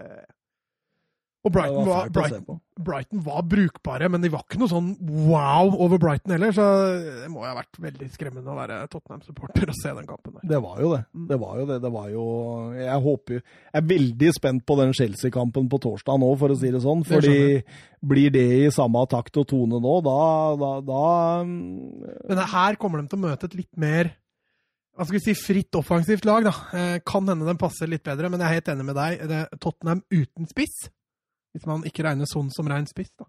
det fungerte svært dårlig. mm. Og så syns jeg det blei verken fugl eller fisk, det de dreiv med nå. det- var Fordi- ikke noe bakromstrussel og ikke noe mellomromstrussel. og så Når de først hadde litt etablert angrep, så gikk det fire pasninger, og så var, den, var det Brighton som hadde den igjen. Mm. Syns det blei bedre når de fikk inn Venitius i, til pause.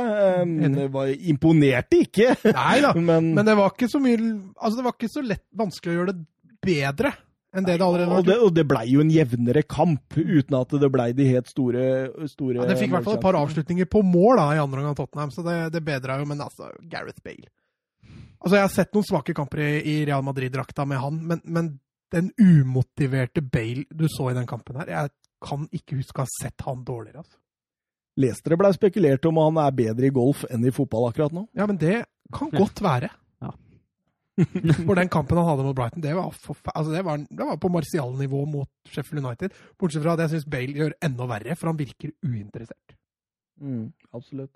Og jeg syns jo selv om kampen blir jevnere og det bølger mer, så syns jeg jo Brighton er farligere når de er oppe enn det Tottenham er. Ja, du ser det jo. altså, Alene den gigasjansen uh, kan der, ja. Herregud, altså. Det går, skal jo ikke gå an å tre... Altså, all ære til all ære til Alderweireld for all del, men altså, det skal ikke gå an å treffe den ene stopperen som står på streken når målet er sju meter bredt. Men, men Connolly. Det er to stygge albuer på, på Aldevereld i løpet av to-tre minutter der. Så Aldevereld var rasende, blødde av, av munnen og sånn. Altså, Det er ikke noe hens hensikt bak de albuene, men det er liksom irriterende når spisser og forsvarere har så løse albuer. da. Armene bare flakser rundt omkring. Du lurer på om han burde hatt gult kort, eller? Ja, rødt. For Og rødt to, to, to gule. Mm. Eh, ikke at det hadde hjulpet Tottenham. eh, Brighton er for, eh, forresten eh, Mourinhos store, store nemesis. Eh, han har tapt alle sine tre siste borte mot Brighton, og det er første gang i sin karriere han taper tre strake bortekamper mot en og samme motstander. Nå er det jo til og med luke ned for Brighton. Nå begynner det å se stygt ut for de laga nede der. Ja, til og med Newcastle greide å vinne. Vi har alltid vært ganske klare på at Brighton holder seg, har vi ikke det? Ja, vi har jo stilt litt spørsmålstegn til Newcastle i det siste. Ja, Newcastle har vi stilt masse spørsmålstegn til, men dem, dem, altså, det har jo blitt helt kokos, dette greiene her nå, vant de mot Everton nå. Og, På goodies! ja, hvem skulle tro det, liksom?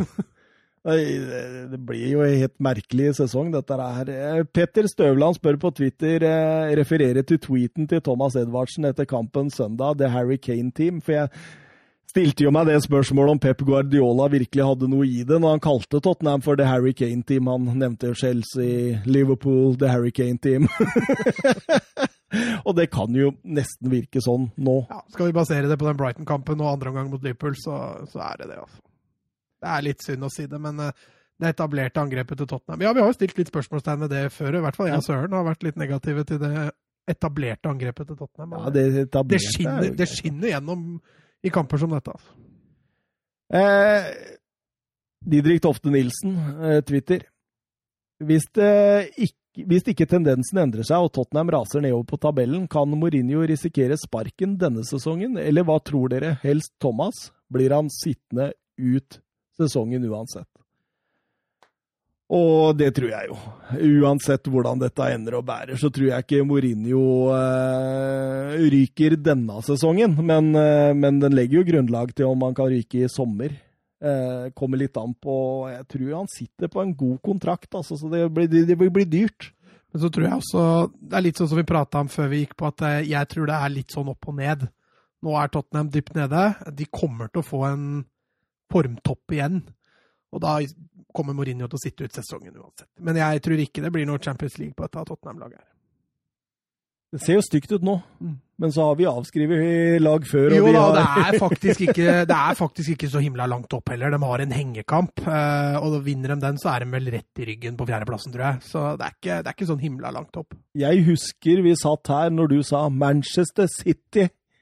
De er bak Arsenal, altså. De er bak Arsenal, du satt her.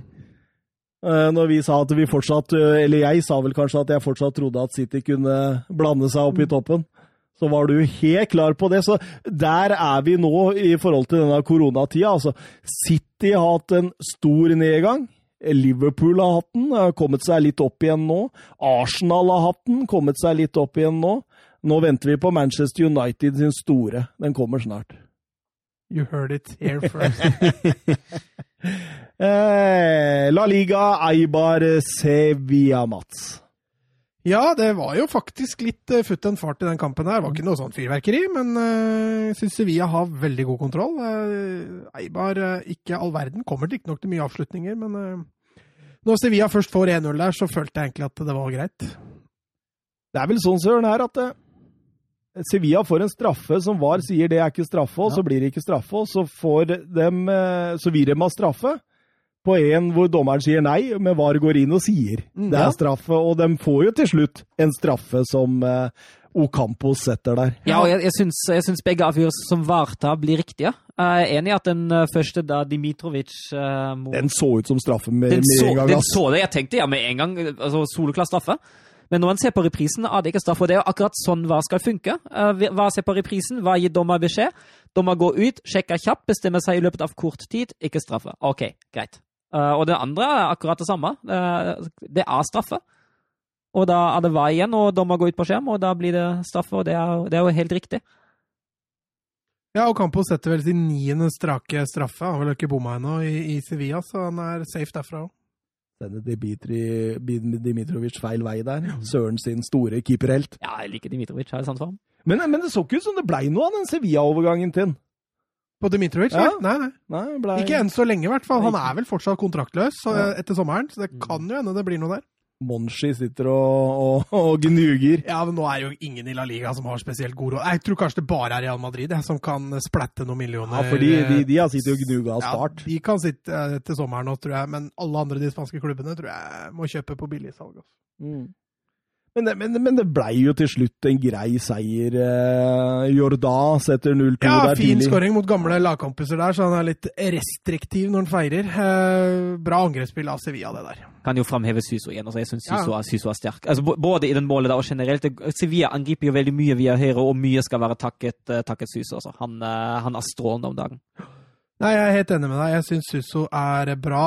Gomez, Pape Gomez på benken kom ikke inn, dessverre, så fikk jo ikke sett noe, sett noe til han. Men eh, når Suso briljerer, og Ocampos er jo en favoritt hos Lopetegi, så det skal litt til at han blir eh, tatt av også. Så er, Gomez har en liten vei inn i, gruppa, inn i eh, laget, altså.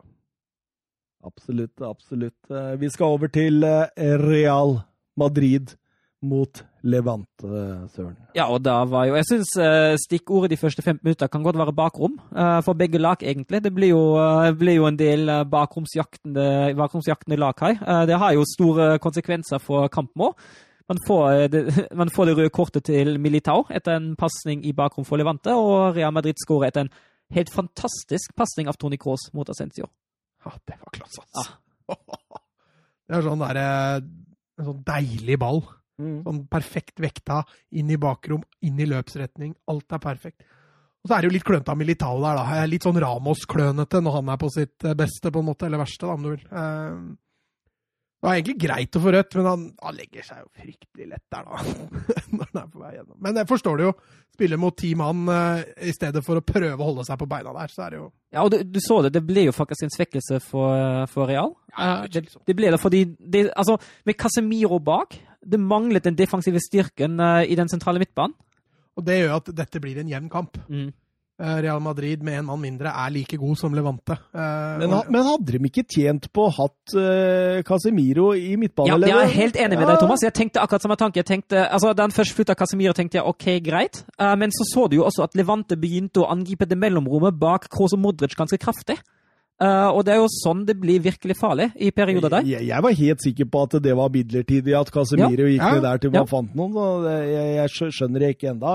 Nok et litt sånn tegn på taktiske Jo, men, men han har jo liksom ingen hva skal jeg si, utprega stoppere, da. Eh, Førstelagsstoppere på benken. Det kommer jo inn noen Du har en Chuster Garcia, da, som man fikk spille litt i Copaen, blant annet. Eh, men ellers er det det er, ikke så, det er ikke så mye krutt å sette inn der.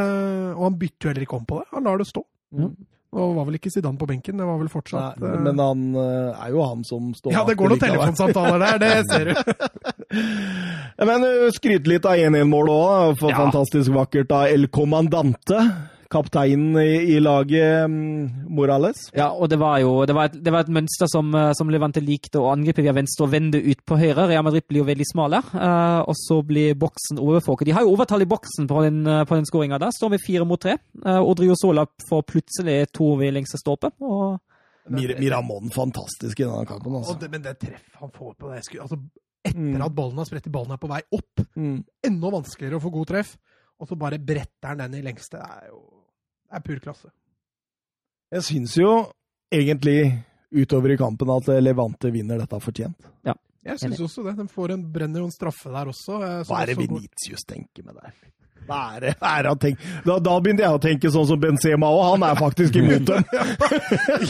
Selv, selv om de ikke spiller ballen til, så ødelegger han. Så nei, Men- det var klønete. Det er en forsvarsspiller, det er angrepsspiller i forsvar. Men jeg er enig med deg, Thomas, og jeg syns det Levante gjør veldig godt, at de bruker overtallet sitt til å skape overtall sentralt på midten. Du ser det Kroos fotfølges til og med i egen boks når Real er i frispillingsfasen, og det blir veldig vanskelig for Real å spille seg ut via den sentrale midtbanen.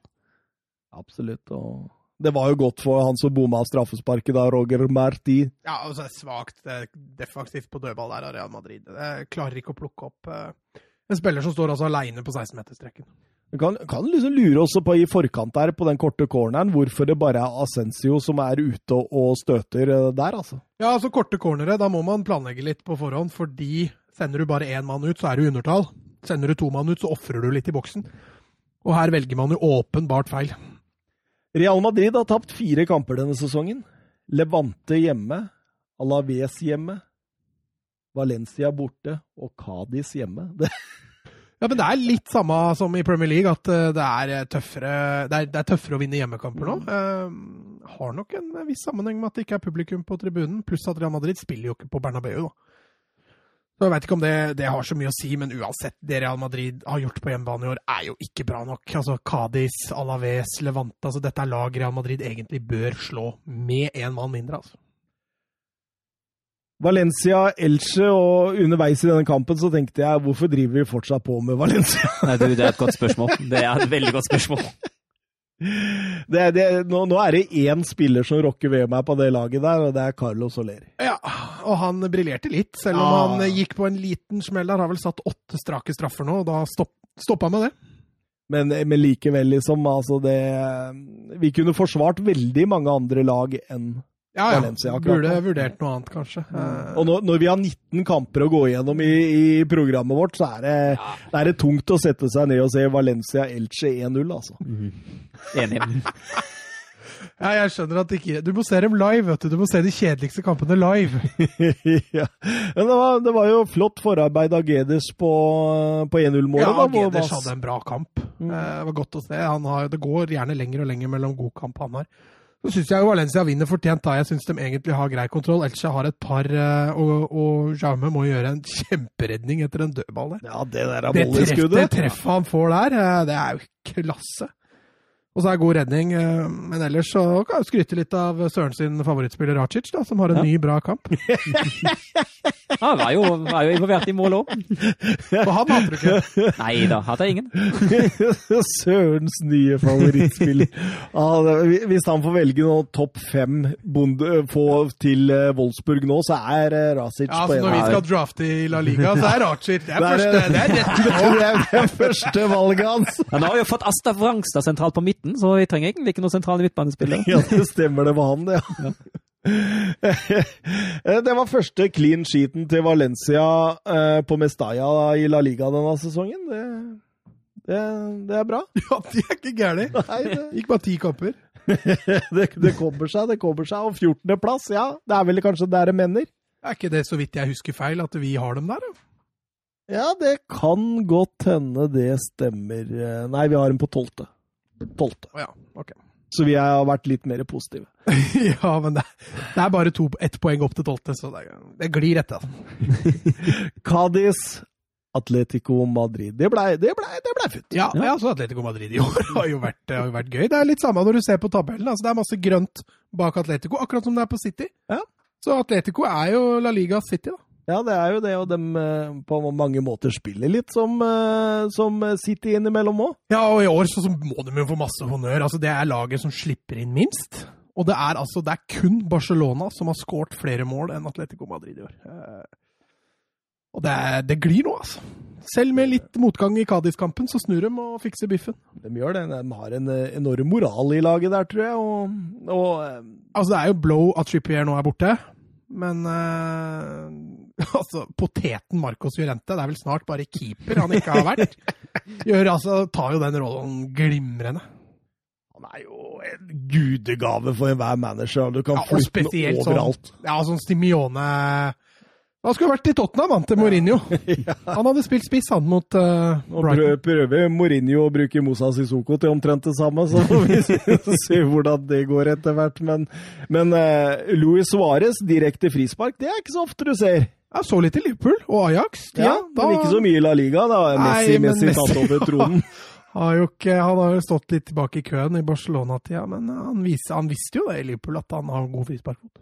Absolutt. Eller det som er litt feilplassert, eller? Ja, litt. Altså, den går jo den går ikke i krysset. Og- Stoler veldig på muren sin Ja, der. Ja, og så er det jo ikke det, er ikke det er ikke 16 meter. Nei. Det er nesten 25 meter, så han bør jo klare å flytte beina litt fortere der. Men uh, Cádiz har en gammel ringrev på topp som eh, skapte balanse. Ja, og så skaper de jo en del, eh, en del uro via sin høyre side, da. Eh, Real Madrid, Atletico Madrids venstre side. Det er da de for som regel blir farlige. Og altså akkurat i den situasjonen er det bakrommet bak Lemar som utnyttes. Ja, Altså. Lemar forferdelig der, altså. Dårlig i posisjoneringsspillet, og når han havner én mot én mot Negredo der, så det ser jo nesten ut som han trekker seg. Mm. Og da Negredo altså Det er ikke ferdigskåra når han har fått ballen der av Lemar, men bra satt. Saul Nege skårer jo 1-2 der, og så får Kadis. Ja, ja, Ja. klasse, og så får Cádiz et straffespark. Ja. Den er hva, hva, hva, så Det blir jo ikke straffa. Ja, jeg syns det er helt utrolig. Jeg stusser veldig på det. Det er jo hands. Det er jo Altså, han holder det er jo den hånda han støtter seg mot bakken. Er ikke Ja, det en men, regel? Men, men, men handler ikke det om sklitakling? Det, går det bare an å gå rett ned og så sette handa ned? Kan man, kan man stelle seg sånn med henda ut og så sette seg ned ved frispark? Jeg, det jeg, ser jo dumt ut, da. Hvis ja, du det. ja, men jeg, jeg syns Altså, i forhold til Altså, han er jo ikke nede og, takler. Han er jo nede og på en måte og så støtter seg. Og jeg, jeg syns det der, der burde stått, altså. Mhm. Det, Ja, Min også første reaksjon var at det der blir straffe. Jeg ble litt overraska når dommeren blei kalt bort. ja, For da altså, blir det ofte omgjort, Ja, ja. eller eh, ja. Absolutt. eh, Og, og når Suárez uh, skårer på straffe for Atletico Madrid rett etterpå, den som var soleklar, Ja. så, er, så, så, så, så er det jo på mange måter kjørt Roma før, selv om Negredo egentlig setter 3-2 der. Så, Ja, drømmetreff når han ja. Hva skal vi si? Det er jo et sleivtreff når den spretter inn. Oblak blir jo satt helt ut av spilleren når den kommer sprettende. og da plutselig får jo Cádiz noen sjanser der, både med Saponic, er det det han heter? Og, Ja, Leid inn fra Atletico. Ja. Denne Tenk hvis stjernespissen. han hadde skål på huet der, da! Men han, og Jovic har noen vanvittige tall Ja, for, uh, for eh, Serbia. ja det vil er jeg gjerne de- Nei, så Jovic er iallfall CB. Ja, men det er Saponic òg. De har noen vanvittige tall fra U-landslagsfotballen i, i Serbia. mm. Altså, men, men, men hadde, hvis du hadde vært utleid av Diego Simione, og så hadde du fått en stor sjanse på 3-2 rett før slutt I seriegullsesongen. ja, ja. Hadde du våga å, å skåret der? Ja, det hadde jeg, for han skal, da, men da, da må du jo være forberedt på at du kommer jo ikke tilbake igjen til Atletico Madrid. Da, da er du ferdig. Det er du, altså. Da er det bare å, å melde overgang med en gang. Vi, vi, altså du, du, du, du, kan på godt hende du er ferdig som menneske. Det er såpass, ja! El Cholo, han, han hadde vel hatt noe han skulle sagt der sjøl. Ja, helt sikkert. Uh, kan jeg også nevne at det jeg syns i andre omgang, både på skåringa og den kjempesjansen Real Madrid uh, Nei, herregud, nå sier Real igjen. Uh, Atletico Madrid er usedvanlig svake til å, til å forsvare egen boks ved høye innlegg. Det er uvant kost, altså. Ja, altså spesielt altså, Atletico legger seg jo litt lavere òg. Altså, de tar imot. Eh, og det er jo Atletico normalt sett vært trygge på, men det er litt shaky altså, på 3-2 der. Ja. Målet, målet de får på slutten der, det er første angrepet til Atletico på føles som en evighet. Kåke som setter 4-2 helt mot slutten der, og, og det betyr at Atletico Madrid har åtte strake seire i La Liga nå. Eh, Det er det beste siden gullsesongen deres i 13-14. Mm. Det blir jo gullsesong i 2021, da. Det, det, det virker jo helt klart sånn, for å si det sånn. Nå er det ti poeng ned til Barca og Real Madrid med én kamp mindre spilt. Ja, jeg håper jo La Liga som det laget med størst Ja, da, det høres ut og det. Ta Nevn det i neste podkast. Skal det? Ja, for da er det 13. Skal ikke vingle. Nei, det er ikke sikkert det, for Barcelona de har våkna litt i hvert fall, selv om det var, det var en traurig fotballkamp, dette her. Det, det var vel tredje gang denne måneden disse laga møttes. Ja, det stemmer. De møttes jo først i serien rett, før, rett etter nyttår, eh, og så møttes de i Supercopa-finalen. Før de da skulle møtes nå, Barca, som har hatt sju bortekamper i januar. Eh, kan jo regne to av dem da på nøytral. Altså, det er første gang i januar hvor de er på kamp nå, faktisk. Men eh, Lionel Messi han har fått smaken av det å skåre på direkte frispark igjen, Mats.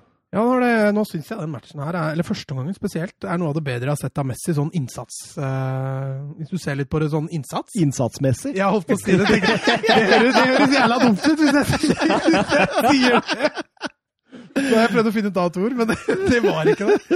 Eh, Men jeg syns han legger ned faktisk en del meter og er god som førsteforsvarer. Han, han er flink til å stenge av banen i forhold til når Barca skal presse høyt. eh, Og så får han belønninga si i frisparkmålet, og det Jeg vet ikke om den Jerai-innøvde de hadde der, hvor han skal ned på stolpen og dekke. Jeg vet ikke hva han tenker på der, men eh, så lenge frisparket er så presist, så, så beveger han seg rett og slett ikke fort nok. altså.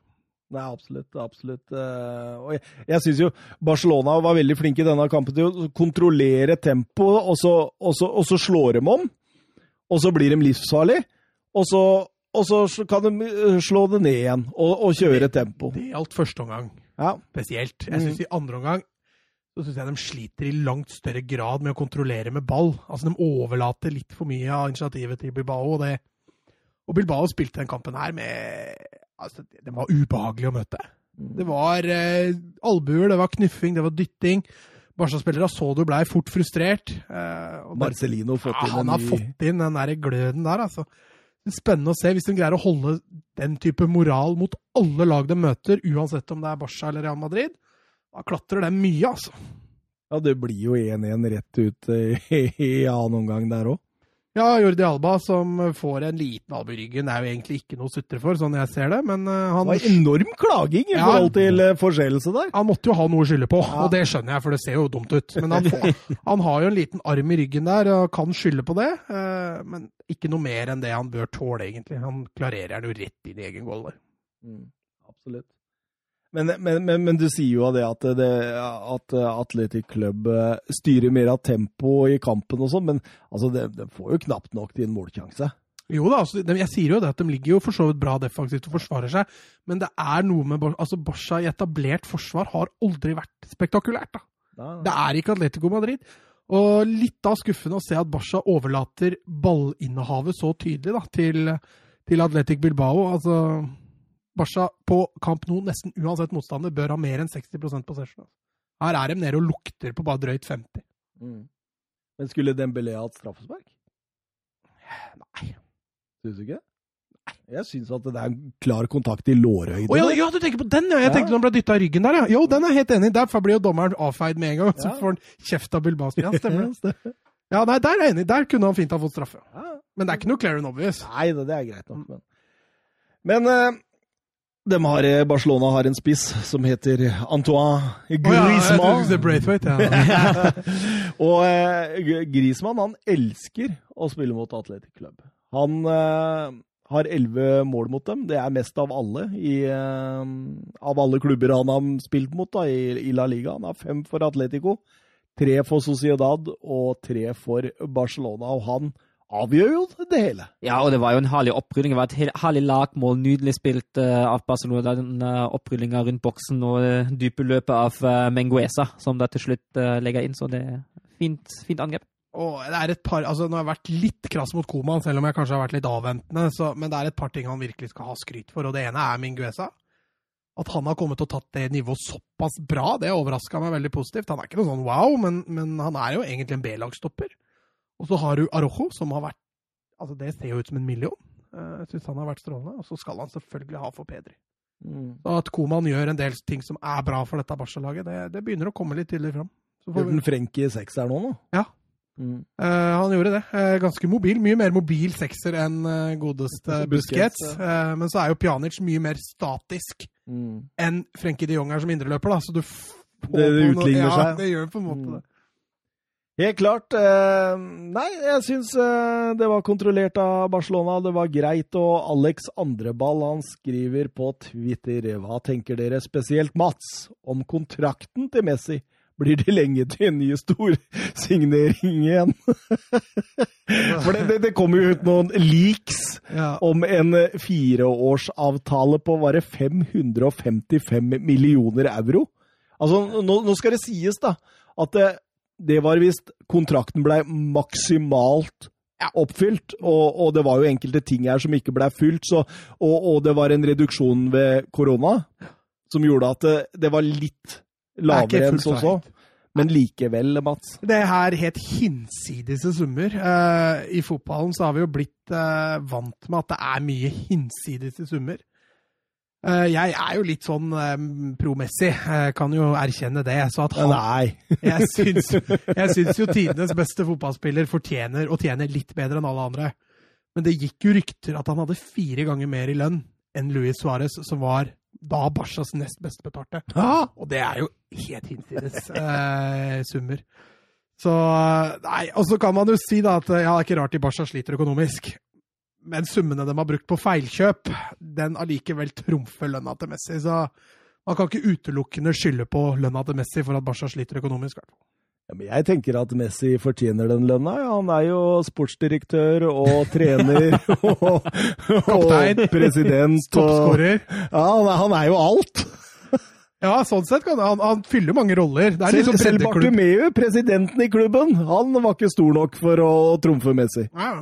Nei, det skal bli spennende å se hva som skjer nå. Nå går kontrakten hans ut. Jeg tror ikke han får den kontrakta igjen. Da må han til en annen klubb. Eh, han gjør som Paillet, vet du, han har 30% mindre lønn for å bli president. president. Ja, nei, vi får se. Jeg syns i hvert fall det er fryktelig mye penger. Eh, Det er ingen tvil om. Og, og det kan ikke være sånn at klubben skal gå under pga. Messi. Det blir helt feil. Nei, det er klart det. Det er klart det at det, selv om han har eh, levert eh, 15-20 år med, med herlige øyeblikk, så kan det ikke være han som også gjør at eh, det blir 15-20 år med, med labert eh, Ja, og det, er det, det blir jo litt enterdønninger nå, men som jeg sa, det er ikke utelukkende pga. Messi sin kontrakt. Det er ikke der Barca har feila nå, sånn jeg ser det. Altså, altså, jeg, jeg tenker jo også sånn at det, altså, Selv om mange fleiper med det, og sånt, men det er, det er jo fortsatt forhandla fram og godtatt av Barcelona. Det er jo ikke sånn at eh, Messi eh, går der og plukker ut det han vil ha sjøl. Nei, det har jo vært et styre og en president som må ha signert på et av dem òg. Sant? Så det er ikke, noe, det er ikke noe som er lagt fram under tvang. Eh, samtidig så er det klart at Messi bringer jo vanvittig mye penger inn til klubben også, men det har sikkert blitt kraftig redusert pga. publikum. Mm. Og da får de ikke inn de samme inntektene lenger, og det, det vil nok være litt vanskeligere å rettferdiggjøre lønna hans. Ja. Bayern München, eh, Hoffenheim, da er vi over i Bundesligas eh, glade land. Ja, det er godt. Eh, nei, altså, vi kan jo første var jo ved oppstillinga at Goretzka var jo ute med, med korona, positiv koronatest. Ikke noen symptomer, heldigvis, for ham. Uh, Råka gikk inn, og så ble det jo litt tydelig at uh, Råka han tok litt den Kimmich-rollen, litt den defensive rollen, mens Kimmich tok den Goretzka-rollen og var litt lenger framme i banen.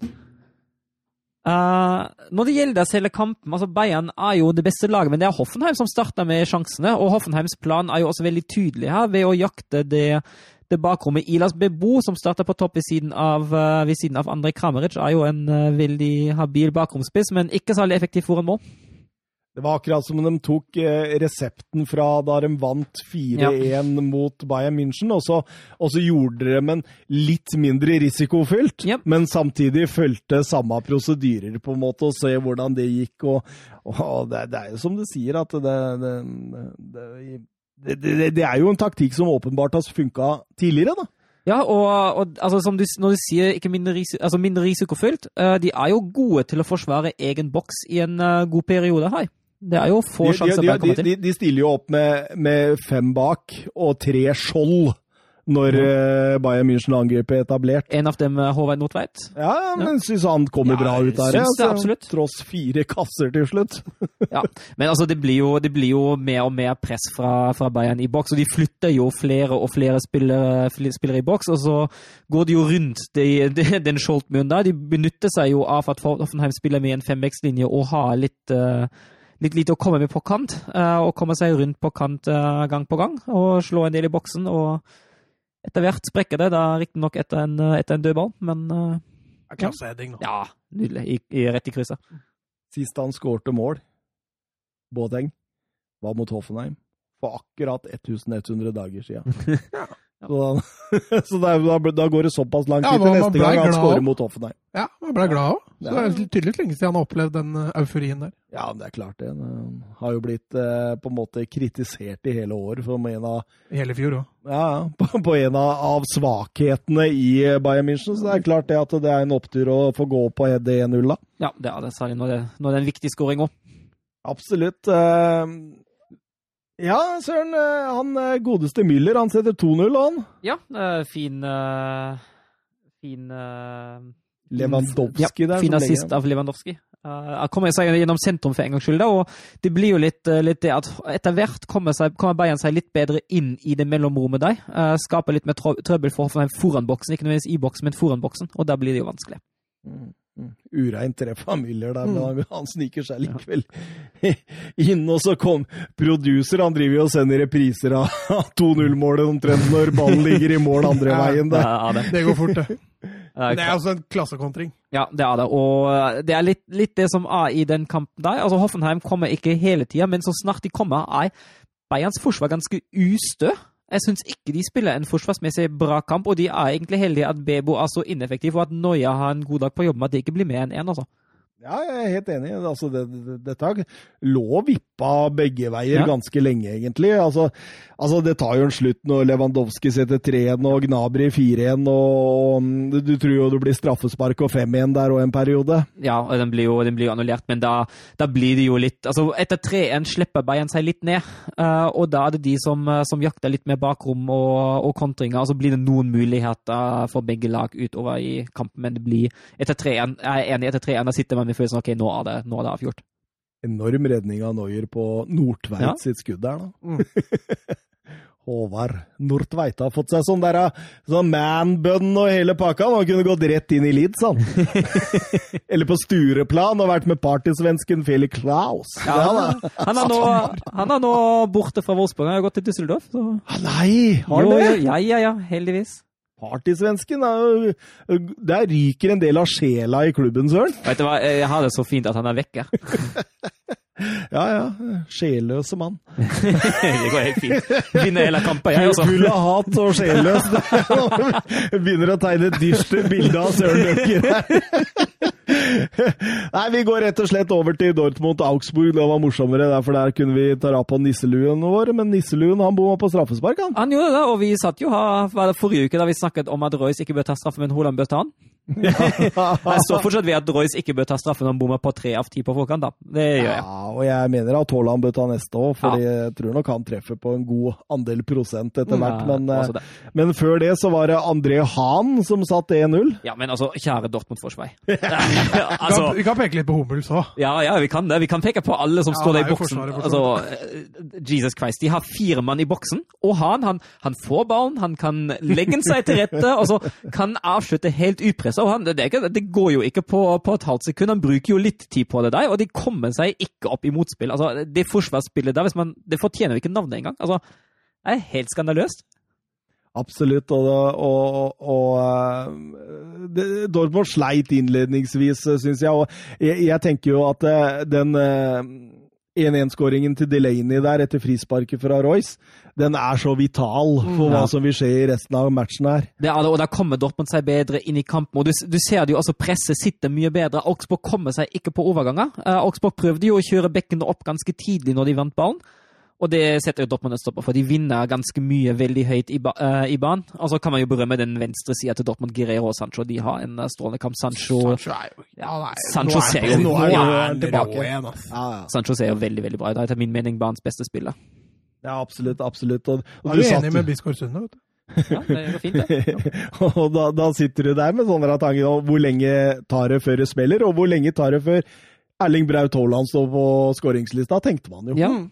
Men, men uh, Erling Braut, han var litt sånn Ja, men Jeg syns ikke han blir fora. Men jeg syns også det stinget han har i bevegelsen, som vi skrøt av, det er ikke helt der lenger. Nei, Er du enig i det, eller? Ja, eller ser men- jeg helt feil? Ja, men altså, det, det, vi, han har jo vist det i forhold til Leipzig-kampen og sånt, hvis du tenker post skade. Jo, men så tenker du også da at der er det stor sannsynlighet at han får ball. Ja. Han gjorde de bevegelsene også når det var ikke fullt så stor sannsynlighet for at han fikk ball. Mm. ja. Nei, men eh, jeg tror ikke vi skal krisemaksimere nå, eh, Erling Nei, Braut han, jo, han har et fint løp før 3-1-skåringa òg, og det, det går jo Fint løp. ja, Han feirer. Han er med å feire der. ja. Nei, men han, han, han er jo veldig delaktig i 3-1. Ja, da er jeg helt enig. Synes jeg, tilbake til Sancho, altså. Nå, nå.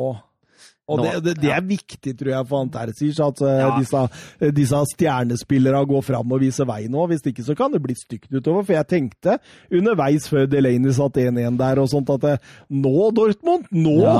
nå er det nok her! Nå Altså. brenner det, ja. Nå Ja. brenner det skikkelig i kjelleren, og det, det er stedet helst ikke skal brenne hvis du eh, bor i 19. etasje i en blokk. Ja, altså det er alltid kjipt å bo et sted hvor det brenner, men uh... Ja, så generelt sett, liksom, så er, så er, så er det kjipt.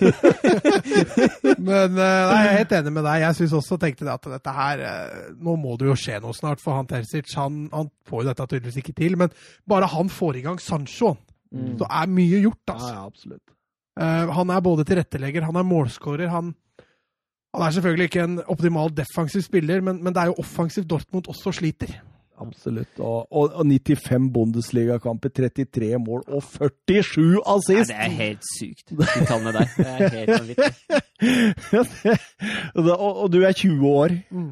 Det, altså, hvis han fortsetter sånn ut sesongen, da kan 1,2 millioner euro være for lite vet du, når Manchester United skal hente den. Ja, men han må ta seg opp, og så må Dortmund komme topp fire. Ja. Kommer de ikke topp fire, ja, da synker prisen på da synker prisen på gutta. Ja.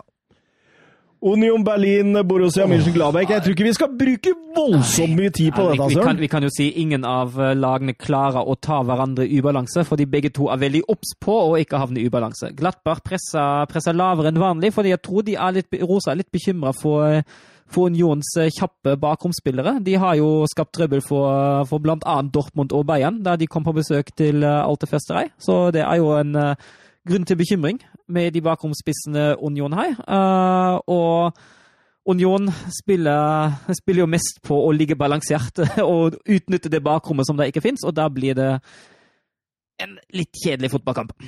Det blei litt kjedelig fotballkamp. Robin Knoche stanga inn 1-0 i første omgang der, før Plea satte ut inn uh, utligninga i annen omgang. Ja.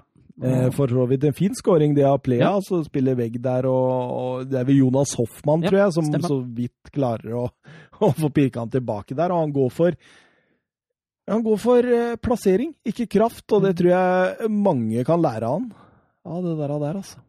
Det Han er en bra spiss når han er i slag. når- når han er i slaget. Men han er så varierende. Ja da. Det var Eh, derfor jeg understreka når han er slag. Ja, absolutt. Ja, nei, det, det er noe mer å si om dette, Søren. Nei, eh, helt greit at dette har enda uavgjort. Det er fortjent sjansefattig og ja, ikke noe fyrverkeri. Så var det toppoppgjøret i Bundesliga denne gang, da. RB Leipzig mot eh, Leverkosen. eh, Og det, det, det Altså, det sto jo ikke til forventningene, den heller. Nei, den gjorde jo ikke det. Uh, men eh, den er jo litt bedre enn den eh, Union mot, uh, mot München-Glattbach, det kan jo sies. Uh, Sørloth starta, eh, og Sørloth brukes jo på en eh, på en mer møtende måte nå. Jeg syns egentlig han, eh, han utfører den jobben han har satt til ganske bra. Han Spiller en decent kamp. ja, han gjør det, helt enig. Og han, eh, han, han er jo oppspillspunkt. Eh, han møter, mens Jan konko stikker i rommet bak. Og det fungerer, særlig i starten fungerer det ganske godt. Ja, Jeg, jeg tror også han har savna litt en bakromsspiss. Ja, enig. Uh, de første 20-25 syns jeg jo eh, Leipzig er det, er det klart beste laget. Spiller, spiller, seg, spiller seg godt. Gode vendinger ut mot, eh, ut mot venstre mot Angelino. Nkunku får jo nesten en sånn litt fri rolle i angrepsspillet i starten. da Dukker opp overalt og skaper litt sånn småfarligheter. Men så renner det litt ut i sanden. Eh, Leipzig vinner ballene høyt, Leipzig presser godt, men de klarer ikke å få fullført de angrepene.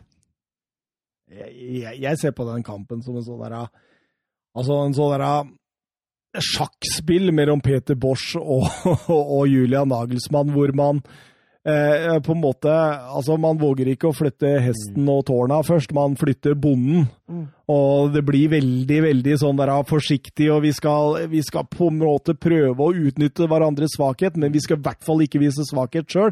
Og da blir det sånn monotont, da. Det blir Ja. liksom Du kommer ingen vei. Ja, enig. Og det stoppet jo gjerne før boksen for, for begge. Da syns jeg Leipzig tar mye bedre tak i det i annen omgang. Ja, og, Og, men du ser jo, han tar jo også det, altså eh, Nagelsmann, jeg tror han har oppdaga at Leverkosen kom seg mot slutten litt lett i mellomrommet. Uh, skjedde jo ikke noe videre derfra, men det var, jeg tror ikke det var et rom han var helt fornøyd med. Han går jo over til en Han varierer litt mellom 4-2-2-2 og 4-2-3-1, men han får bedre kontroll sentralt på laget gjennom det. og Sørloth er jo nær han med stolpeskuddet. Ja, stanga der. Med skeiva. Med skeiva, ja. Syns Sørloth kommer bra. Eller er Ja. han venstrebeint? Nå ble jeg plutselig jækla usikker. Vi kan fotball, vi. Altså. Det er ikke noe stress. Nei da. Nei, da. Ja, han er han, Nei, han er ikke det. Ja, han er høyrebeint. Ja, han er høyrebeint. Han er høyrebeint. Eh, men som du sier, ja, Leverkosen prøver jo å svare og får et par sånne sjanser mot slutten der. Ja, men, Gulasji sterk. Er Viktig for ham etter, de, etter den fryktelige uh, treårige Mainz-kampen for ham. Men eh, så har jo Sabitzer også en uh, Lacassette-kopi. Det er jo nesten Ja. akkurat samme Ja, frispark som, som Lacassette fikk mot uh, United. Eh, En, enda akkurat samme sted òg. Og jeg syns jo Leipzig vinner fortjent. Jeg syns jo det er en uh, godt gjennomført kamp. Uh, Lagelsmann kommer med gode endringer underveis uh, og tar de riktige grepene for at Leipzig går seirende ut av det. Ja, og Leverkosen har nesten ingenting. Nei. Så utover de siste fem minutta, det, det er jo perfekt gjennomført uh, av Nagelsmann. Og, og Gulashi er den første RB Leipzig-spilleren som når 150 Bundesligakamper for klubben. Sterkt. Ja, ja. Tenk det. En rekord hvor i hvert fall 100 Altså, Messi har, eh, har tre-fire ganger mer mål enn det Gulasje på en måte som er rekorden. for. Godeste Marvin Friedrich fikk, var vel den første som mot Mönchenglattbach var, fikk 50 Bundesligakamper for Union Berlin. Ja. Ja. ja, se der, ja. Se der, ja. Så er venstrebeint, forresten. Å, han er det, ja. ja, men det er godt vi får Altså, 90 minutter korrigerer. Ja, ja. Ja, ja. Korrigerer, ja. Det var det vi var Det på var jakt- det det var var det vi etter var i på stad. jakt etter i stad. Eh, Jeg kan forresten også finne ut hva samboeren hans heter, hvis du Eh, til Sørloth? Ja, Ja, kom vi, da. skal vi si det på lufta? Er det greit? Kom, kom Det står jo på Wikipedia, da. Arne Sørloth. Nei, samboeren heter Arne Sørloth. Ja. Er gift med Arne Sørloth? ja. Ok. Nei, Lene. Lena Selnes. Å, er det, er det dattera, holdt jeg på å si? Er det- Å, er det hun der?! Er det, er det søstera eller noe sånt til han, han Kina-Selnes? Nei, for det skrives, skrives ikke det med æ. Jo, det gjør det kanskje. Ja, det, det her er uten. Ja, Men vet du hva moren hans heter? da? Bente. Hildegunn. Ja, ok. Jeg veit hva faren heter. Ja, det veit jeg jo! Det er ikke, er ikke det han gjør, han? Han Gjøran, ja. Ah. Ja, Ja, nå, nå liten- må du holde fast bordet her, for det begynner å vippe. Wolfsburg, Wolfsburg Freiburg, eh, Søren. Ja, det var jo gøy. For all del. Det er, litt igjen med de, med de første 15, eh, den inngangen som ikke treffes helt på. Eh, Jeg syns ikke presset er bra de første 15, og samtidig syns jeg at vi klarer ikke helt, eller Wolfsburg klarer ikke helt å spille seg ut av Freiburgs press, og det blir, det blir litt, litt oppstykka i starten. Eh, Men så snart man får Arnold bedre i gang, fordi Freiburg prøver veldig hardt å stenge av Maximilian Arnold i, eh, i oppspillingsfasen, og så snart han blir bedre i gang, da ser det mye bedre ut. Ja. Så Brooks, da. Ja, Brooks. Jeg må ærlig innrømme at denne kampen, Søren, den fikk jeg ikke sett, så her er showet ditt. Ja, det går helt fint. Jeg har kontroll på det det. var en nydelig scoring av Egårs. Det, det, Ja, det det var- det var herlig. Men altså, Brooks, eh, Brooks først, det var det jo litt uh, Freiburg-spillerne var rasende. Freiburg-treneren Streich var rasende etter kampen, for det var en liten berøring på, på Mbabo på Slåttabekk, uh, som var ikke mener av de, de så han vel ikke engang, for det må inn med en så stor lupe som ikke var thai. Uh, Ja, det var ikke noe clear and obvious. Nei, det syns jeg ikke heller. Jeg syns det er helt greit at han lar det gå. Eh, og da blir det mål på Brooks, og den 2-0-skåringa, den er jo herlig. Og da oppdager jo Glasen også det. Du ser jo det. eh, både bak, Baku, som for så vidt står ganske smalt som regel for å overlappe Mbabo, men uh, Steffen trekker seg også inn i det mellomrommet, for så snart Freiburgs første prestighet er overspilt, blir det en god del strekk i det mellomrommet også. Mm. Og Wolfsburg var gode. Ja, Og det er akkurat det der. Ja, det er et veldig, veldig voksent, eh, veldig, veldig voksent spill, syns Dette er jo en sånn typisk snublekamp også, når det har gått så bra så lenge. Så du satt liksom og venta Ja. på Og så er det en proffe og gjennomfører Ja. det bra, liksom. Og det er akkurat det, er akkurat det og jeg, jeg, blir, jeg blir imponert. Altså, jeg tror for et år siden har jeg den kampen da endt 1-1. Ja, det var ikke noe fyrverkeri, Nei, nei, det var det jo ikke, men, eh, men det var bra. Ja, jeg er helt enig. Det blir sykkeltur. Det får vi se. Det er tre poeng ned til syvendeplassen. da. Jo, jo, men det er nok, det. Ja, for Jørn Henland, han spør på Twitter her, eh, Søren, sjekket eh, prisjakt for tilbud på sykkel ennå? Ja, jeg har sykkel stående i boden, ja, så det går fint. Ah, har du sånn eh, street-sykkel? Ja, det er sånn, Jeg sånn må, må låne meg det. jeg sportssykkel, tror jeg. Ja.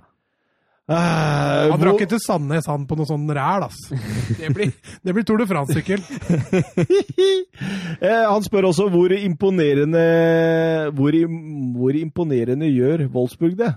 Syns, jeg syns det ser utrolig bra ut. Det, ser, det er så stabilt. eh, Som at sier, det er sånn typisk snublekamp som, som man gjerne må vinne hvis man vil, vil kjempe, kjempe der oppe. Og det gjør Wolfsburg nå. Det er det som Wolfsburg ikke gjorde. Spilte på sånn konstant bra til, bra til grei nivå. At man også vinner på en dag der man ikke er helt maks. Eh, Det er liksom det som man, som man savner litt, for det var ikke en dag der Wolfsburg var helt maks, men Wolfsburg var helt OK og, spiller, og vinner 3-0 pga. veldig god gjennomføring i kampen.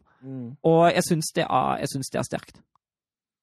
Og så spør han også er eh, Mustafi Sjalkis redningsmann. Nei, det tror jeg ikke. Um, jeg stusser litt på den Mustafi-signeringen. Altså, koster jo ikke mye i, uh, mye i uh, lån, for det er vel et lån, hvis jeg ikke tar helt feil. Uh, men lønna skal han jo ha.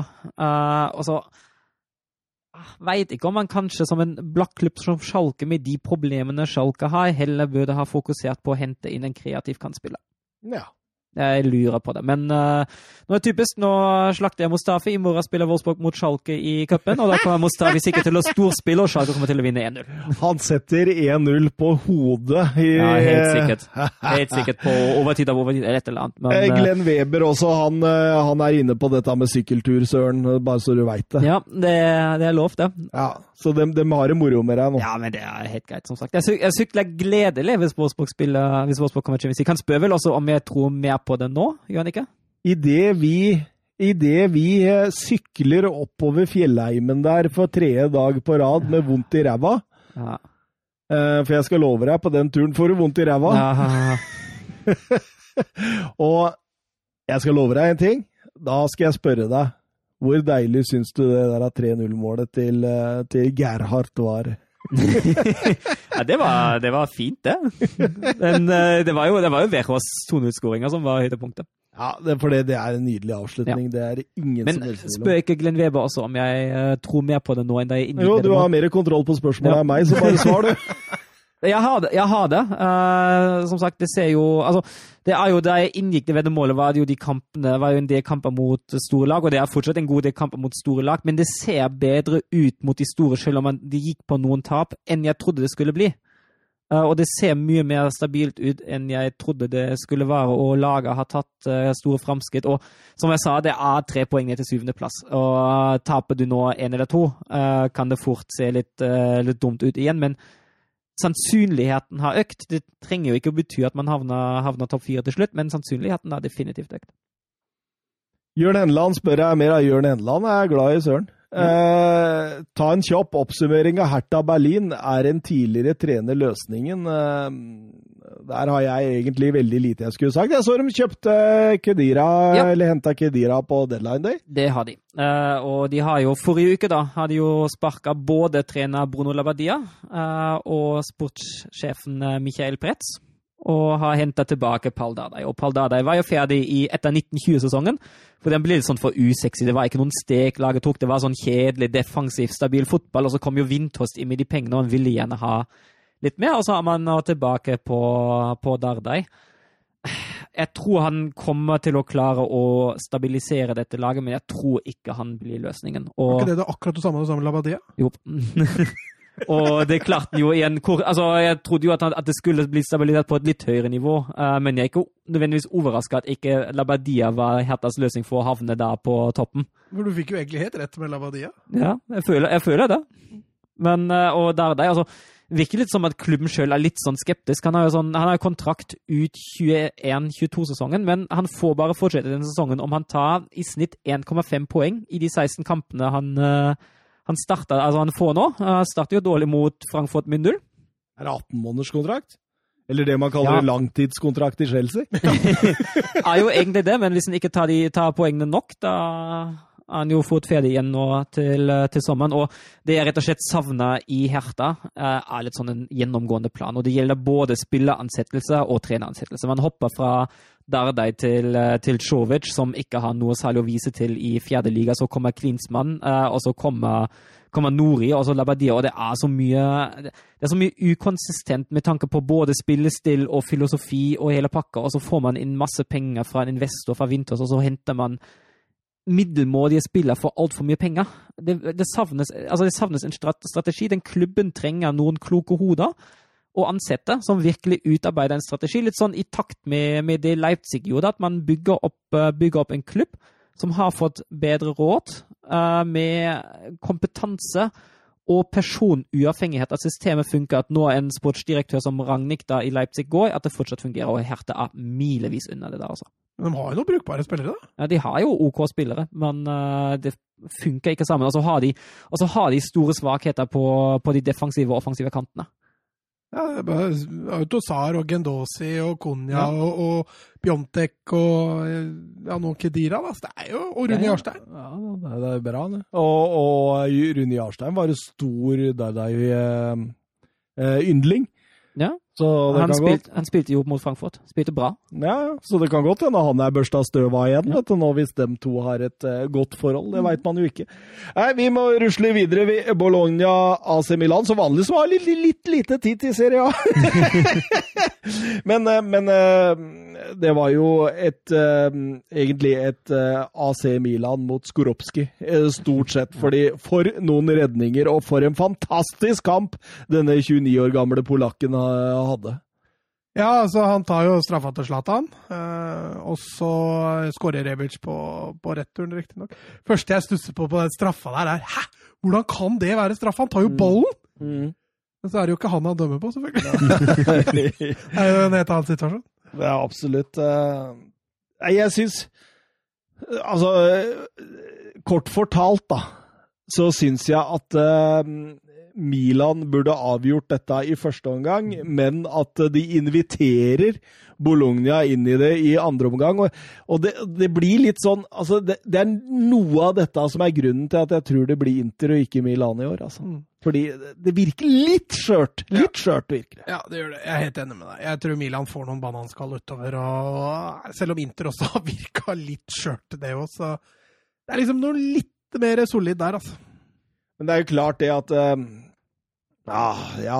Eh, Jeg tror Bologna følte seg litt bortdømt der, og Mihailovic ble sendt av banen. og og, og, og det ble litt sånn litt tøffe tak utover i annen omgang der. Eh, Pauli setter eh, reduseringa rett før eh, ti minutter igjen, tenker jeg, av kampen der. Og da, og da blir det jo en slags kamp eh, mot slutten. Milan eh, kjemper litt med ryggen mot, eh, mot eh, Så det, det var Det har de gjort flere ganger Ja. i år, da. Ja, ja. De har klart seg greit. Ja, men li, litt for mange ganger. Men, men, men de har jo et greit fundament, og de har jo en matchvinner bak der i Doma, Donnarumma som, som, som er helt enorm. Eh, så Hva syns du om debuten til Tomoria? Startdebuten. syns det er greit, altså. Synes det er greit. Han kommer greit ut av det. Jeg tror det også er et uh, veldig bra kjøp for AC Det, er- Milan. det er lån med med opsjon, tror jeg. opsjon. Ja, ja. Eh, syns litt rart at eh, Chelsea lar han gå, for å være helt ærlig, men eh, Han var jo bra i fjor. Ja. Han har jo fått nada tillit i år. Absolutt. Men, men Milan drar i land med Hauge på, på benken hele kampen. Fikk ikke feira noe. han. Nei, ja, det var vel snakk om et utlån òg, men Ja, Milan ville ikke låne ut, var det ikke det? Uh, Veit du hvor det utlånet skulle Var det ikke Leverkosen? da? Jeg mener å Oi, oi, oi. Leverkosen, ja. Har ikke de henta DeMara Grey? Ja. Ja, Det er, det- hvis de får det fulle potensialet ut av DeMara Grey, Mm. da har de en strålende fotballspiller, altså. Dette det er Fosu Mensa. Japp. Ja, stemmer det. Og han klarte seg brukbart. Han gjorde det. Ja. Eh, Sampdoria Juventus. Eh, så du stemningen mellom Ranieri og Andrea Pirlo før? Det var det, det, det, var to stykker som ikke hata hverandre. Men det er liksom sånn enten-eller med trenere der nede, føler jeg. Enten så er det hat, eller så er det kjærlighet. Absolutt. Og det, det er jo Juventus som tar styringa. De, de, de, de vil jo åpenbart eie denne kampen og, og, og pusher jo egentlig ganske bra på fra start av. Ja, så er de jo veldig farlige i, direkte inn i bakrommet der i den kampen her. Sampdoria blir jo tidvis straffa der også. Jeg syns Sampdoria er litt uforsiktige med sitt eget bakrom. Eh, og du har da to ganske hissige bakromsspillere der, i både Morata og Ronaldo, som stadig vekk eh, truer det bakrommet. Så litt skuffa. Men det, altså, Juventus var ikke imponerende sånn altså, Det var helt, det. var helt greit, liksom. Helt på det jevne, sånn Ja. som det stort sett har vært med under Andrea Pirlo. Jeg syns um, Chiesa er bra. Ja, ja, Ja, og han setter 0-1 der og, og, eh, og danner grunnlaget for kampen resten. Jeg synes Sampdoria er sånn altså, Keita Balde var den eneste som på en måte skapte noe Cagrella litt, men det, det var veldig tynn suppe. og du, du følte på en måte at Juventus ikke gjorde mer enn de måtte, og at hvis de kanskje hadde møtt en litt mer habil motstander, så hadde de fått tungt. altså. Ja, Hvis ikke de hadde heva seg, ja. Ja, absolutt. Um, Så, men, men drar i land en grei 2-0-seier der etter at uh, Aron eh, Ramsey nok en gang eh, setter en scoring eh, helt mot slutten. Ja, får han jo servert der. Er Cudrado vel som spilleren på blank. Verdens uh, Mest uegoistisk. Ja. Ja, eller hyggeligste mann. Verdens snilleste. Snilleste. Snilleste mann. Snilleste mann, ja. Quadrado han hadde vel, så vel fortsatt stjerner etter den smellen han fikk i huet der mot Det uh, mulig han prøvde å skyte. Det kan godt hende. Eh, Inter Benevento, det var vel kanskje det laget i toppen i Italia som imponerte mest, hvis du ser bort fra Ja. Lazios borteseier mot Atalanta. Ja, ja det, men de hadde jo også svakest motstand. Ja, men Benevento har jo ikke vært noe rundingsbøye for de aller fleste. de. Pipo Inzaghi har fått, uh, har fått uh, greit til, han, med dette laget. Men eh, altså, ja, det var absolutt altså, Godt uh, angrepsspill fra, fra Inter. Man kan jo særlig framheve Lautaro Martinez som uh, hans strålende kamp der. Ja, og Christian Eriksen, Ja, ikke minst, ja. som lå bak og styrte og stelte og styrte tempo og delte baller i øst og vest, og var egentlig en Christian Eriksen man kjenner til fra glansdagene hans under Pochettino. Jeg er helt enig. Jeg syns det beste kampen jeg har sett av Eriksen i, i Inter-drakta. Så dette, dette lover jo bra. Eh, Og så er jo både Martinez og Lukaku på skåringslista, så dette var, må jo ha vært en deilig kamp for Conte når han går i garderoben. Ja, jeg tror han, eh, han kosa seg. ja. Mm. Jeg tror det. Det var, eh, det var det, var liksom sånn tidlig mål, kunne ligge, kontre, kjøre overganger, eh, styre litt spill. Og jeg syns de har god kontroll på det. Jeg syns Inter rett og slett virker som en sånn Scudetto-kandidat. Er kanskje den største av de alle. Ja, så har de jo den lille luka ned til eh, Juventus. da. Det er det som gjør at man eh, holder de nå som en favoritt. Eh, Juventus, som riktignok har en hengekamp, vinner de den, så er de absolutt på skuddhold. Men jeg syns Inter virker litt mer forlokkende nå, altså, som seriemester. Nå har vi sagt det hele tida, da. Martinez ble den yngste i Serie A med ti plussmål denne sesongen. Fjerde yngste i topp fem-ligaene. Tar dere de tre yngste? Eh, det er Haaland, ja. Mm. Ja. Og så er det Hvor mange? Ti? Eh, Nei. fire. ja, fire. ja det, men det, det, det, som har skåret mer enn ti mål. I denne sesongen? I de ligaene vi følger. Én utenfor. Men, Eh, men i det som regnes ja. som topp fem-ligaen. En av dem er Mbappe, Ja da, der har hun. Og så har du sistemann. Han spiller i Tyskland. og da var han topp Oi. Ja, ja, ja. Adrian Silva. Nei. Nei, for han er ikke under André eh, Silva. Han er, han, han er ikke så ung, vet du. Adrian Silva, det var bomkjøp, det. I Tyskland, ja. Ja da, ja da. Og kan du hinte? Eh, Stuttgart. Å ja, selvfølgelig. Sil, eh, sil, Fundu! sil, Silas Fundu. Ah, det var deilig det var deilig å få kvisse dere litt igjen. Få hjernebarken til å Nå hadde du jo fasiten nå. Så. ja, nå, kunne jeg, nå kunne jeg si den sjøl. men Lukaku og han setter jo to der og, og viser jo seg å være Ja, det er mest også den frispillinga de prøver på der, som Martine snapper opp til 3-0, så er det, da er det ferdig. ferdig. Finito. 150. målet til, eh, til Romelu Lukaku i eh, topp fem-ligaene i Europa. Han har skåret eh, 17 for VBA. Det hadde jeg glemt før jeg leste det, at han har faktisk vært en tur innom der. Eh, 68 for Everton, 28 for United og nå 37 mål for Inter Milan. Og, og det var jo en eh, serierunde i Italia hvor alle, siden Lazio med seieren borte mot Atalanta, gikk Forbi. forbi og på sjetteplassen, så vant alle de nåværende topp seks-lagene i Italia. Så eh, det kan bli kamp inn, selv om det Selv om vi Vi, vi har vært vi, ja, vi, Fra fjorårssesongen så satt vi og sa Inter Contes andre sesong. Dette blir eh, gull til Inter, og det, vi vingler ikke. Og vi Altså, det, er, det så stygt ut en periode. konkurs, da. Ja, det, Det setter en stor liten stopp. Eh, Vi fikk et eh, Twitter-spørsmål fra Man City to win it all. Jeg regner med at denne karen her er Manchester City-fan. Ja, høres litt sånn ut. Og eh, han spør med Champions League denne måneden, hvem tror dere kommer til finalen, og hvem vinner? Da kan vi sikkert gleden, men, men, men, men det jeg tenker på er at vi har jo ikke fått dette Champions League-treet enda, hvor vi veit hvem som ikke kan møte hverandre to, to the road to the final. Så vi må jo bare ta en sånn Altså, Jeg holder jo en knapp på City som vinner, i hvert fall som det ser ut akkurat nå. De ser fryktelig fryktelig sterke ut, og det skal bli vanskelig å slå dem. Hvem møter dem i finalen? Dok, ja, Den, den, den er litt vanskeligere. Jeg kan jo uh, ha litt lyst til å si Liverpool. Oi, oi, oi, det. rein, rein engelsk. City mot Liverpool i finalen.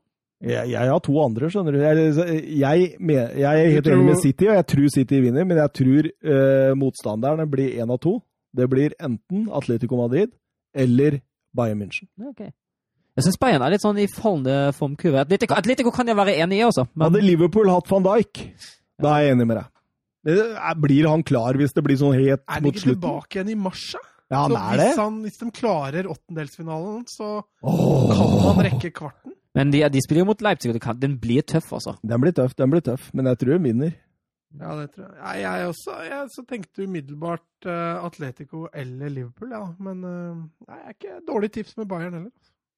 Nei, altså, Bayern, de kan, Ja, de, altså, de er kan vinne mot alle, de, for å si det sånn. har en fryktelig kvalitet i laget òg.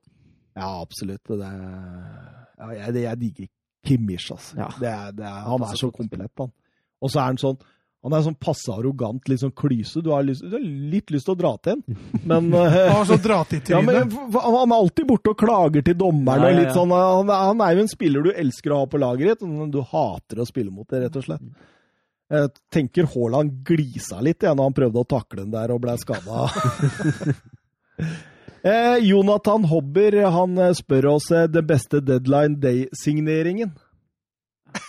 Ja, det var eh, Ja, det var ikke mye å Nei. ta tak i. Nei, det var ikke noe som skilte seg ut. Det er sånn voldsomt. Det er jo artig med King da, tilbake igjen i Premier League, men at det er en voldsomt god signering for Everton, spørs om han får spille der. Jeg synes jo den, for- som sagt, som jeg sa før, den forhandlinga rundt Kabak, at det er null risiko for Liverpool, det er på, et, på en spiller som har egentlig et ganske stort talent, det er jo, det er jo veldig bra. Hvor stor, for, hvor stor forsterkning han blir, det får man jo se, men han har jo potensialet til å kunne passe inn godt da, altså.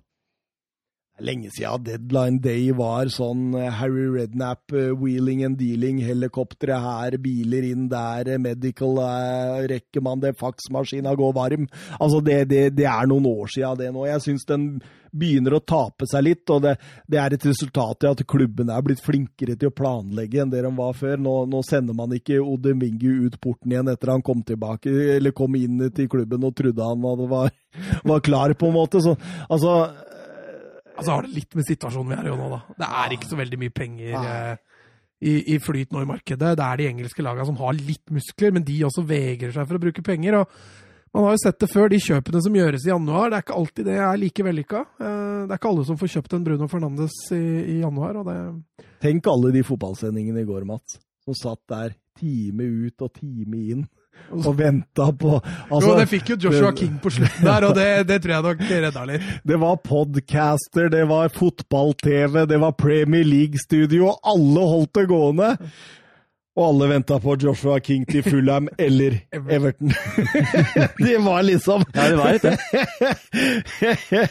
oi, oi, oi, jeg hadde følt meg lurt. Jeg, tidligere gjest her, eh, Martin, eh, ba meg å, å ta med Glenn Murray til Nottingham Forest. Eh, 37-åringen fra Brighton der, han Leid inn, eller er han kjøpt? Ja, jeg tror han henta gratis. Jeg kan jo også nevne Blackburn. De har også vært ute og leid litt. Han Han Brantwaite fra Ja. Everton. Nesten uh, Nesten Braithwaite. Hadde hatt én Braithwaite både i Blackburn og det hadde vært litt Og så henta de en til. Fader, de leide inn en. Det var ganske Ja, men navn. egentlig. hadde du tatt Barcelonas Braithwaite i Blackburn? Er han god nok for det? Ja, ja. Ja, ja, han holder jo championship. det, det hadde han fiksa, tror jeg. Fader, hvem var det? Hjelp meg litt, da. Det var en ganske stor uh... ja, jeg, jeg har ikke Jo, Taylor Herwood Bellis. Oh! City-talentet. City- Du har den vel oppå veggen? City-stopperen. Eh, vi lovte nisselue på eh, og kjøre et lag eh, Jeg kan vel for så vidt lese den meldinga, for det laget det var jo ikke så, så lett å på en måte diskutere seg fram, så vi måtte vel heller bli enige på forhånd. Ja, det var noen kriterier der som gjorde det ja, Vi kan jo kalle det utfordrende, i hvert fall. Gjorde jobben vår ikke lett. Nei, Å sitte og diskutere det sånn her, det var ikke Men jeg, jeg tror det kan ha vært en liten mening bak det, da, at vi ikke skulle få det så lett. Han, han skriver i hvert fall eh, forslag til noe dere kan gjøre ved neste episode, eller når dere finner tid. Sette opp et lag med spillere som aldri har spilt for samme klubb eller landslag. For eksempel, hvis dere velger Cristiano Ronaldo, så har dere brukt opp Portugal, Manchester United, Real Madrid, Juventus og Sporting. Er det noe dere kunne gjort? Og det Vi gjør det lytterne våre ber oss om å gjøre. Ja, innafor rimelighetens grenser. Plutselig, vet du, så står det en haug av øh, homofile mannfolk utafor huset ditt! For jeg tror ikke det er så mange jenter som ville hoppa på Jeg veit ikke helt hvem du Hvem du dissa med. Hvem du dissa med stad, om det var jenten eller homofil. Eller homofil. Jeg disser ingen, vil jeg si. Det, det, Jeg vet ikke hvem som tok seg mest nær der. holdt på å si jeg er åpen for alt, ja. Nei, vi kjører begge veier. Begge Ja, ja, ja. Vi, vi, vi Vi er ikke så, omfavner ikke så nøye på det. Vi omfavner all kjærlighet så god kjærlighet. Eh, Men eh, eh, Men, men og, og så skal, skal vi bare nevne laget og litt hvordan vi har tenkt, da. Ja, det er sikkert greit. Ja, og, og, og keeperen blei jo Jan Oblak. Ja, da mista vi et landslag som ikke var så veldig ettertrakta ved siden av, i hvert fall. Ja. Ikke sant? Og det, det er jo ikke en, spi, en keeper som på en måte har traktert så mange lag. Du, du går glipp av en Benfica og, og Atletico Madrid, men Ja, altså den Lade Vralaslav. Ja, ja. ja du tenker på det der Det der og Olu Lysiano. Og Leira og Rio Ave. Det er, det er liksom ikke klubber som vi, vi, eh, vi får bruk for litt seinere, og, og siden Oblak er verdens beste keeper, Ja, vi fikk jo det i tillegg, ja, ja. så, så, så var den grei. Det er liksom sånn Man må tenke at man bruker litt sånn klubber Spillere som har vært i få klubber, eller få store klubber, i hvert fall. Ja, og blei vi til slutt enige om eh, Calabria på høyrebekk? Ja, vi ble det. Mm. Det er da Italia og, og AC Milan som ryker, bare. Ja, den også var jo Altså, vi, var- der var vi jo litt fram og tilbake. Ja, Men vi landa, lurte litt på Kimmich ut. Ja, Mm. vi landa på den. Vi gjorde det, vi gjorde det. Og da mm, går vi over på venstrebekken, som er José Gaia. Da bruker vi vårt spanske alibi, Mm. men det, han har bare vært i Valencia. Ja. Så det, da, da, da får du to ålreite bekker og er verdens beste keeper. Mm. Over til midtstoppera, Søren. Ja, det blir jo, Van Dijk blir jo den ene. Vi måtte jo få inn Ja. Vi må få inn verdens beste stopper. Mista riktignok Southampton og Celtic og Liverpool, men uh, Men det, det, det er gode tap for å få inn verdens beste Ja, stopper. ja. Og ved siden av han så har vi Skrinjar. Eh, og da kan mange tenke dere hadde jo Oblak, men det er Slovenia og Slovakia. Mm. Eh, og Skrinjar, han eh, Da mister vi kun Sampdoria. Det, det, det ja, er og, også og Inter, da. Ja, og Inter, selvfølgelig. Ja, nåværende lag, det, det er greit å ta med. Ja. Men likevel, vi kommer godt ut av det. Vi gjør det. Lionel Messi, selvskreven. Ja. Ja, mister Argentina, da, men han har jo bare vært i, i Barcelona, så Og da er det veldig bra å ha en sånn spiller på et sånt lag. mm. Venstre kant, Søren. Ja, Da ble vi jo til slutt enige om Cristiano Ronaldo. Vi vurderte jo å skyve Kimmich ut på bekk eh, og kjøre Det var vel sånn og Haaland på topp, eh, men vi bestemte oss for alternativet med Cristiano Ronaldo på venstre og bruke en annen spiss. Vi gjorde det. Vi Ja. gjorde det. Og Det var der vi endte til slutt, Ja. med Ronaldo på venstre Ja. og da Messi på høyre. Det. Ja, for det var litt verre med Ronaldo, for da røyk jo både United og Real Madrid og, og Juventus, i tillegg til Portugal, så han, eh, han gjorde det litt tyngre. tyngre. Men vi har fått på plass en ålreit sentral midtbane for det. balansert, til og med. Ja, ja. De Brøne og Kimmich. Ja, det brønnet også er jo fin. Vi mista riktignok Chelsea og City og Belgia, men ikke noe sånn Wolfsburg, da. Ja, Wolfsburg røyk. Wolfsburg røyk, det er det helt riktig. Wolfsburg. Men, eh, men, men, eh, men en fin, eh, fin midtbane der, og, og, og to av de som har dominert europeisk klubbfotball i alle år. Omtrent så vidt i hvert fall vi kan huske omtrent. Ja, det var Kim, med Kimmich, ja. Ja, På hver sin kant. Ja, på hver sin kant. På topp, hvem finner vi der, Søren? Ja, det ble jo Harry Kane. Harry. Kane. Vårt engelske alibi og eneste Tottenham-spiller. Ja, og det, var, det, det, er- det er liksom Tottenham, og så er det vel eh, Leicester som man uh, mister det, men det er ikke så mange storklubber heller. Nå blir Norwich-fansen skuffa over det. Eh, Sorry, da. har vært på et lite utlån der, eller Millwall. Jeg var og så den på for Milvold mot uh, Husker ikke hvem det var mot, men på det, den. Det, var- det var jækla stilig. Ja, det, det, var ikke det en bane du ikke trodde fantes? eller noe sånt? Du hadde jo til og med vært der. Det var en Ja. quiz vi hadde. Stemmer det. det var, jeg røyk så voldsomt på quiz der. Ai, ai, ai, ai. Siste spiss, eh, Mats. Vil du ta Ja, den? blei vel en Bappe. Ikke voldsomt mye som ryker der heller. Nei, Monaco og PSG, og blei jo da vår franskmann. Og så kan du jo si det sånn at ok, hvorfor ikke velge han, hvorfor ikke velge han? Men, men, men det overraskende mange spillere som ryker bare du velger en toppstjerne. Ja. Ja, for det, altså, det landslagsgreiene gjorde det litt vanskeligere. Ja, det gjorde Fordi velger du da en. Det er jo argentinere. Alle argentinere ferdig. Ja. Og omvendt, også ditto da på de andre. Og så er det jo liksom det å ta en Ronaldo, da. Altså, da ryker samtlige Real Madrid, Juventus og, eh, og Manchester United. Da ryker det mange. Absolutt. Men, med laget da blir Oblak, eh, Calabria, Skrinjar, van Dijk og Gaia. Messi, Messi, Messi Ronaldo, eh, Kimmich, eh, De Brøne. Med eh, Mbappe og Kane på topp, og det er et lag som ville slått godt fra seg. Definitivt. Ja, et par treninger først. Så Og, og når vi fikk det spørsmålet, da trodde ikke jeg vi skulle klare å få til så bra lag. Nei, sånn umiddelbar tankegang. Ja Det siste Nå skal vi ut på siste Den siste posten i farvannet, som det heter. Det er eh, Det er godeste Anders Davan som eh, på eh, Twitter har spurt oss om vi kan kjøre en såkalt draft. Altså, han har plukka det opp fra et annet Et annet podkast Ja, et eller annet podkast Et eller annet annet fotballpodkast Ja. Som har kjørt en eller annen draft eh, i Serie A, tydeligvis. Eh, hvor reglene er som følger, da.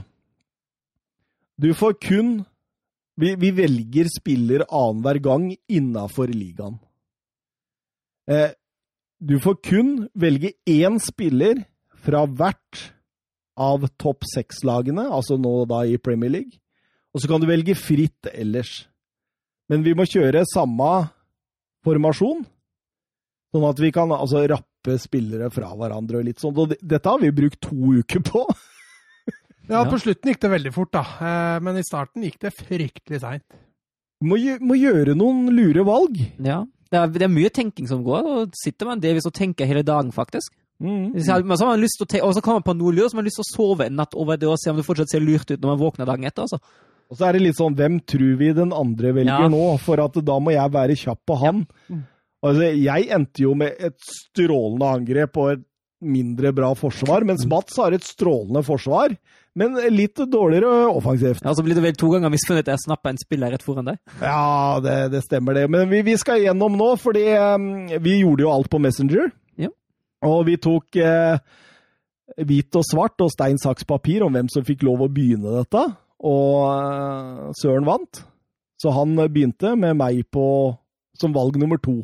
Og Søren, hvem valgte, hva var den første spilleren du valgte? Ja, jeg gikk for Harry Kane, eh, og det skyldes jo litt på hvilken posisjon i Premier League jeg mener gapet mellom førstevalget og andrevalget er størst. Eh, Og da kom jeg, helt, da kom jeg fort fram til at jeg mener at Kanes avstand til, en, til neste spiss, med tanke på altså at du må bare velge én spiller per lag, og man kanskje ikke har lyst til å bruke Femino fra Liverpool på spissplassen osv., i hvert fall på topp seks-lagene, det gjør det litt vanskelig. Og da tenkte jeg ok, Kane det blokkerer ikke for veldig mange andre spillere, eventuelt Son, da, eh, eventuelt eh, en stoppertype Alderweireld, men Kane er egentlig et veldig godt valg å starte med, særlig fordi andre spissalternativer er litt et stykke fra Kane. da.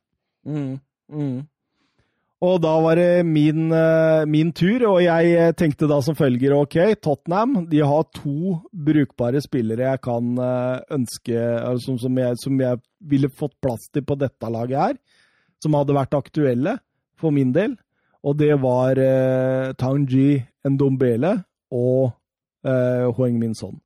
Men så valgte jeg da, for altså, det er ikke så viktig hvem av dem jeg får, så jeg, så jeg gikk rett og slett på ligaens beste spiller, Kevin De Brøne, og bare sikra meg han en gang for alle. Jeg følte at eh, det, den sjansen måtte jeg ikke la gå fra meg, selv om jeg også ville gjort som Søren. Jeg ville gått for Harry Kane, fordi jeg er enig i at det spisspranget er ganske stort fra Kane og ned til nestemann. Og da var det din tur, Mats. Ja, jeg gikk jo på en blemme allerede med en gang. Eh, Jeg valgte jo ligaens beste stopper, eh, men jeg angra jo som en bikkje rett etterpå at jeg ikke tok Bruno Fernandes. For jeg ser jo offensiven min blei jo Tapte seg jo med en gang. Men sånn i etterpåklokskapens navn så angrer jeg jo på det, men, men, akkurat der og da så tenkte jeg at van Dijk, ligaens egentlig klart beste stopper Hvis noen av dere nå kaster bort tull offensivt på City, tenkte jeg, da er dere i trøbbel defensivt med en gang. For det er, det er egentlig bare de to i City og van Dijk som er, er klasse. Så, så jeg gikk i hvert fall for den løsningen da. Ja. Og da var det Søren til å velge sin andre spiller? Ja, og da måtte jeg jo gå for Bruno Fernandes. Det, det, det sto faktisk mellom Fernandes og Sala, men jeg ville ikke gi deg den eh, deilige posisjonen å få velge en eh, Liverpool-spiller helt uten press. Uh, og så er rett og slett Brune Fernandes den, uh, den, beste offensive midtbanespilleren du kan velge, og da var det egentlig ganske klart at det ble Fernandes. Mm. Og da skrev jeg som følger Jeg skyver Kevin De Brøne inn sentralt og henter Mo Salah ut høyre. Og da ble det noen diskusjoner her. Ja, for reglene var jo ikke helt klare på at vi hadde lov å skyve. Uh, så jeg reagerte litt på at det var noe du bare gjorde så enkelt. Uh, for da blei plutselig reglene litt annerledes. Men samtidig blei det jo gjort allerede på første, nei, andre bytte, da. Jo da, det er for så vidt greit, og vi blei enige om at OK, vi, vi ja. godtar det. Det blir jo litt spennende da, og du får noen andre utfordringer å forholde deg til. Men jeg tenkte jo nå at nå var høyrekanten din låst. Mm. Og så ble, prøvde de også å finne ut noe sånn De må ha spilt så og så mange kamper. Jeg visste jo at det bare ville bli kål uansett. Men eh, eh, det var det bare det jeg reagerte på. Men vi blei jo enige om at eh, Vi gjør det i Premier League, og så avslutter vi det til neste serie. Var det ikke det vi ble enige om? Jo, helt riktig. Så da henta jeg Mo Salah, og jeg fant ut det at her må jeg være rask og hente Liverpools eh, beste offensive spiller, eh, Asap Zulu, fordi jeg tenkte van Dijk var eh, et alternativ, Mané var et annet. Ellers så det var de tre jeg tenkte ville gå. Kanskje noen var gæren og kjørte Alison som keeper bare for å få den, men ja. Nei, det, det var ganske greit. Og da, Mats, da var det din tur. Ja, jeg sto jo der, da, og etter en hard diskusjon med deg, så blei vi enige om at det lønna seg å hente spillere som kunne spille flere posisjoner, for da kunne du skyve. Og den første, første jeg valgte etterpå, var Vardy! Men tanken bak det var jo, som dere var inne på i stad, at det spriket på spissplass var jo allerede eh, Altså Kane som klart beste spiss.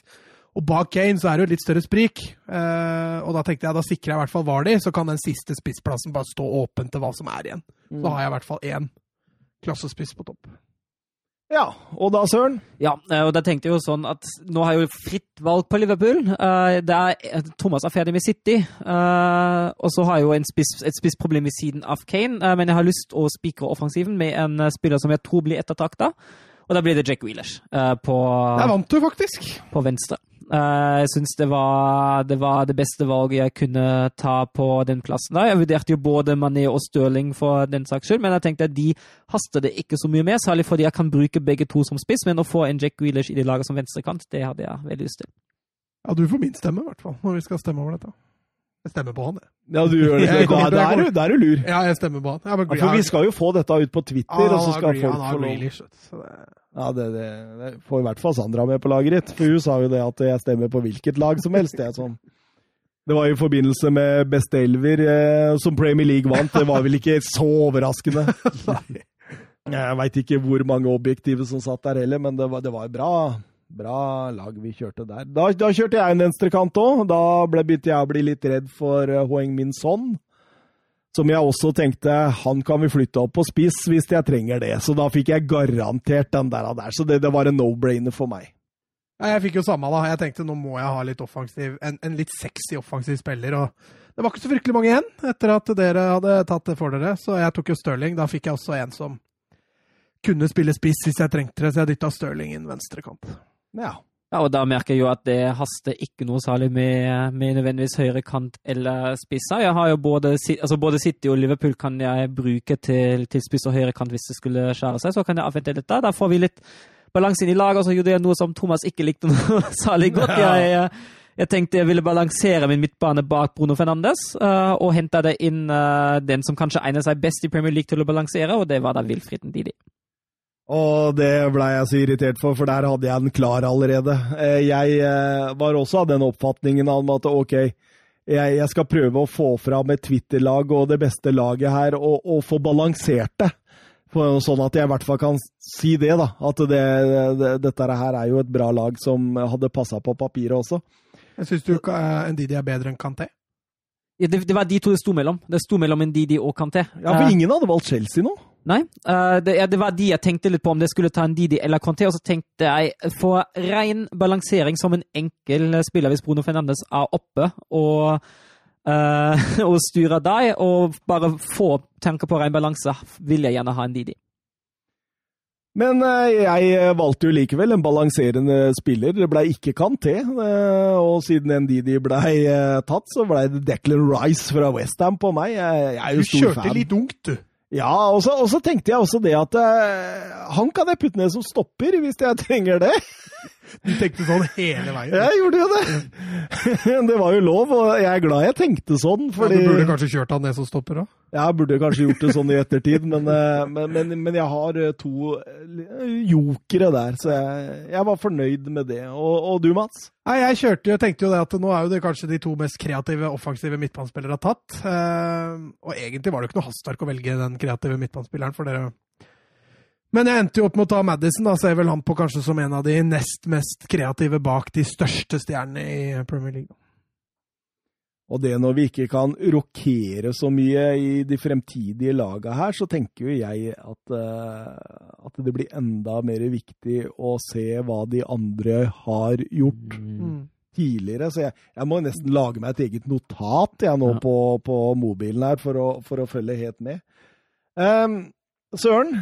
Ja, eh, og da begynte jeg å tenke litt i forsvar. Jeg hadde jo egentlig tenkt vurdert lenge. Altså det, det, var litt sånn den høyrekant-spiss-situasjonen som jeg mente jeg hadde kontroll på. Uh, og så var det noe med den fleksibiliteten. Og så begynte jeg å vurdere både Fabinho uh, og Rom Diaz uh, som midtstoppere. Uh, ville i hvert fall ha én av de to inn. den, en av de to fikk jeg jo også. Du kunne jo velge å vrake. Jeg hadde jo begge to, så begynte jeg å bygge på andre kanter, og da ble det Kieran Tierney. Uh, meget habil uh, venstreback, og kan også skyves inn som stopper hvis jeg mener at det blir nødvendig. Ja, og da, da gjorde jeg egentlig min første feil, sånn jeg ser uh, det i ettertid. fordi jeg blei litt stressa fordi jeg hadde lyst på Tierney sjøl fra Arsenal. og ville ha inn i venstreback. burde valgt Shaw i ettertid. Valgte Lucas Ding, som jeg, som jeg, også er veldig fornøyd med. Jeg digger spilleren fra Everton, men jeg tror ikke Mats hadde tatt han, så han hadde vært åpen for meg til seinere også, hvis så? jeg Nei eh, Ding, da. Ding. Ja. Nei, for så hadde jeg på lista mi, nemlig. Ja, ja. Men da kom jeg kom inn i et spor jeg da, hvor jeg tenkte vet du hva, jeg har ikke noe trua på det laget mitt her nå, så jeg må ødelegge mest mulig for dere. Så tenkte jeg begynte jeg å se gjennom laget til Thomas. Ok, Han sliter på spissplass, og han kommer til å slite på stoppeplass. Så nå må jeg klare å tenke litt sånn. Så tenkte jeg tar jeg Rashford nå, så er han stuck med, med, noe annet her. Så det var derfor jeg valgte Rashford. Ja. Ja, og da, da, begynte jeg å tenke på midtstopper. Jeg hadde jo én midtstopper veldig klar allerede, også en, enten Fabinho eller, eller, uh, eller Diaz. Uh, og så ville jeg gjerne ha noe som alle sånn, det nest beste nivået der. Uh, kunne jo ikke ta de store lagene, og da endte jeg opp på Chaglas og Yunchi, uh, som jeg mener er en meget habil stopper. Mm, mm. Og da ble jeg veldig glad, fordi jeg, jeg, tenkte at du ikke valgte den beste i Leicester, uh, for Fana. Så da tenkte jeg at da kan jeg ha han til ettertid. Eh, for faen, altså, det er fantastisk. Men jeg ser jo jeg har kjørt ganske ungt her. Jeg, jeg satser på fremtida, men, men, men, på spissplass gjorde jeg ikke det nå, da. Fordi jeg kjørte inn eh, Aubameyang som eh, spiss, og, og skriver også nota bene versjon før kontraktforlengelsen. Mm. Det er også en regel burde hatt på, klar på forhånd, for da kunne man jo også tatt Andros Townsend før skaden i 20... Jeg skjønner du hva jeg mener? Jo, men det, det var mest humor, da. Jeg skjønte det, skjønte. Jeg dreit meg jo skikkelig ut på neste. Jeg tenkte jo at jeg må forte meg å ta den nest beste keeperen. Det var jo helt feil tenkt. Den burde jo bare vært spart til slutt, for det er jo egentlig ganske mange gode keepere bak de seks store der. Men jeg kjørte inn Marshall. Ja, ja, og så begynte jeg å tenke, for de, de, de det sto mellom nå, nå, nå begynte å krystallisere seg egentlig ut at jeg vil ha meg ned på topp, og den får jeg, og Diaz i mitt forsvar, den får jeg også. Uh, og så sto det mellom høyre kant og høyre bekk. Jeg hadde noen kandidater, men så handlet det litt om å tenke hva jeg tror dere tar. Uh, og jeg så jo at Mats slet litt i det offensive, og så begynte jeg å bli veldig rett for den, uh, for den høyre kanten. der, og Så gikk jeg for Hames. Uh, Men det var helt riktig, for det sto mellom Schmeichel og Hames når jeg Ja, skulle velge. Ja. Og jeg, det var der bæsja jeg på leggen, rett og slett. Jeg begynte å få forsvarspanikk. Voldsom forsvarspanikk, og fant ut det at her, her har jeg glemt å tenke forsvar. Så jeg eh, tenkte da, siden eh, du, var, du Søren, valgte eh, Soyuncu, så velger jeg Wesley Fofana, som jeg Altså om han er bedre per dags dato, det skal jeg ikke si sikkert, men at han er bedre om et par-tre år, det tror jeg. Ja, det kan jeg være enig i. Ja, for da når jeg da slang inn Pereira det var Ja. da jeg begynte å mobbe deg på Twitter, nei, på Messenger. Så sa jeg at nå må du velge Maguire, Lindeløf eller Van Bissaka, du, sa jeg fra United. Og så kontra du Nei, jeg kan bare skyve litt her og skyve litt her, så tar jeg, så tar jeg inn Pogba. Fader, det skyvegreiene, altså. Men jeg tok jo da litt Pereira Altså, han er jo en klasse høyrebekk, så jeg, jeg forsvarer jo det valget uansett. Ja, og da, da var den ene gangen jeg faktisk ble litt misfornøyd, for det var en spiller jeg hadde lyst på sjøl. men jeg fant jo et godt alternativ ganske kjapt, og det ble jo Reece James. Og da var Thomas ikke glad heller. Nei, det, det, det var jeg jo ikke i det hele tatt. Og, og eh, du var jo da såpass langt ned måtte vi før vi valgte første Chelsea-spiller.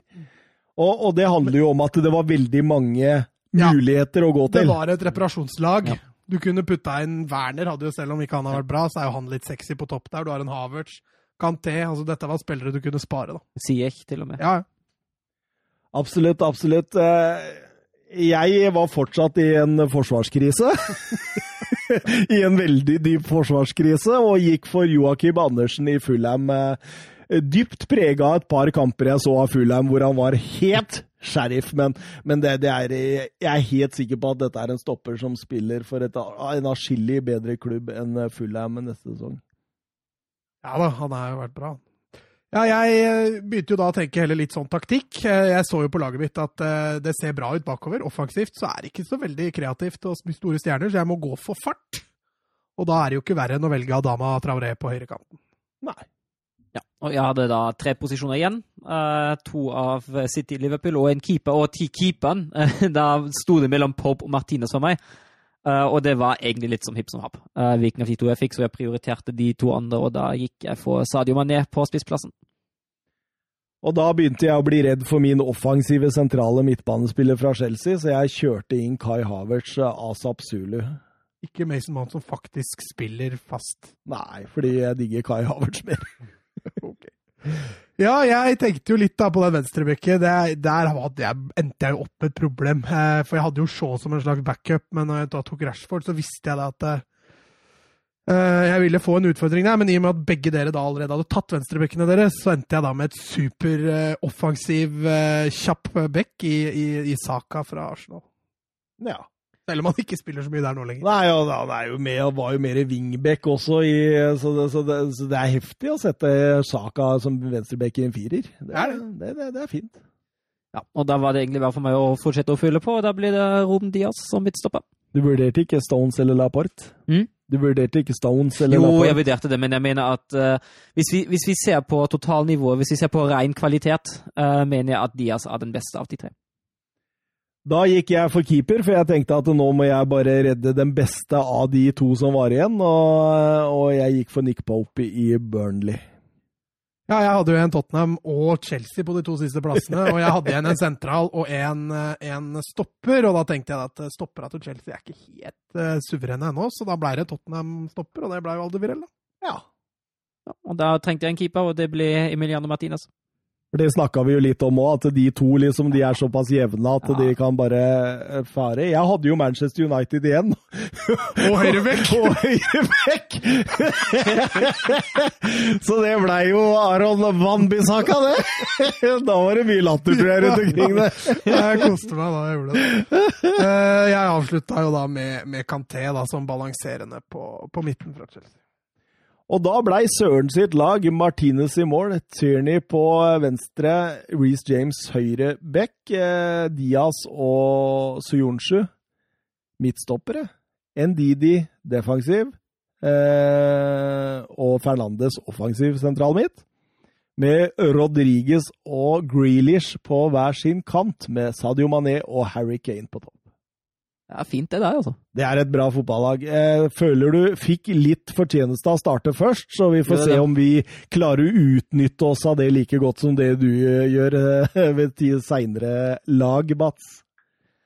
Eh, Mats begynte jo som nummer tre, så det, det, det blei jo en Altså, jeg, jeg følte jo, altså Når jeg skulle gjøre mitt andre valg, da, Ja. så var fem, de fem beste borte. liksom. Ikke sant, ikke sant. Så Der følte jeg liksom allerede da at jeg lå etter. da. Mats, eh, ditt lag. eh, Schmeichel i mål. Pereira, van Dijk, Aldevireld og Saka med Adama Traoré på høyre kant og Stirling venstre kant. Kanté og Madison sentralt, så du, du har balansert, du òg. Med Wardy og Rashford på topp. Ja, og Planen her er jo å ligge dypt når jeg skal møte dere i kamp. Eh, helt avhengig av at Kanté, van Dijk, Aldevirel, eh, Pereira Asaka har gode matcher. Schmeichel som matchvinner bakerst, og så skal det kontres som F. Det er så mye fart i det laget der. Og så får vi håpe Stirling og Madison har litt kreativt eh, på plass der, for da, da, da kommer ikke det forsvaret, der. forsvaret ditt ser jo helt skjelvent ut før de har begynt. Men jeg har ganske bra fart, jeg òg. Ja, jo. Men du kan ikke forsvare det. Noe bak når dere møter meg, det er ikke noe bakrom. Ja, Nick Pope i mål. Jeg har eh, Aron Fanbisaka på høyre bekk og Luca Dign på venstre bekk. Eh, Joakim Andersen og Fofana stoppere. Kevin De Brøne ut høyre, Son ut venstre, med Havertz og Rice eh, sentrale. Og, og vil jo hevde jeg har mitt beste midtbanen, i hvert fall. Og så har jeg dytta to som egentlig er kantspillere opp som spiss, i Sala og Aubameyang. Men det, det, det er jo tre jevne lag, og det, dette kan ryke hvilken vei som helst, Ja, tror jeg, på Twitter. Nei. Jeg tror det. Jeg tror Søren er i en liten uh, forskjell. Altså, han, har Graylish. Ja, og, og jeg tror Kane også, i forhold til spissene der. Så er har han jo jo alle sånn United-supporterne med Fernandes. Du har jo faen blitt sakka. Får ikke noe United-stemmer, du. Nei, det er bare Martial som hadde vært verre. Eh, oh, Bruno Fernandes. Ah, Marcus Rashford, ja. Aron van Bissaka. Ja. Hva skjedde med deg? Nei, nå må vi begynne å runde av. Vi skal jo ses også neste tirsdag, så vi må allerede begynne med researchen nå. Ja, det må vi. Em, avslutte med ukens visdomsord. Er dere klare for det, eller? Det har vi. Ja, det er, eh, det er bedre å snuble i riktig retning enn å gå stødig feil vei. Dypt. Ja, den er dyp. Snakkes. Snakkes! Ha det.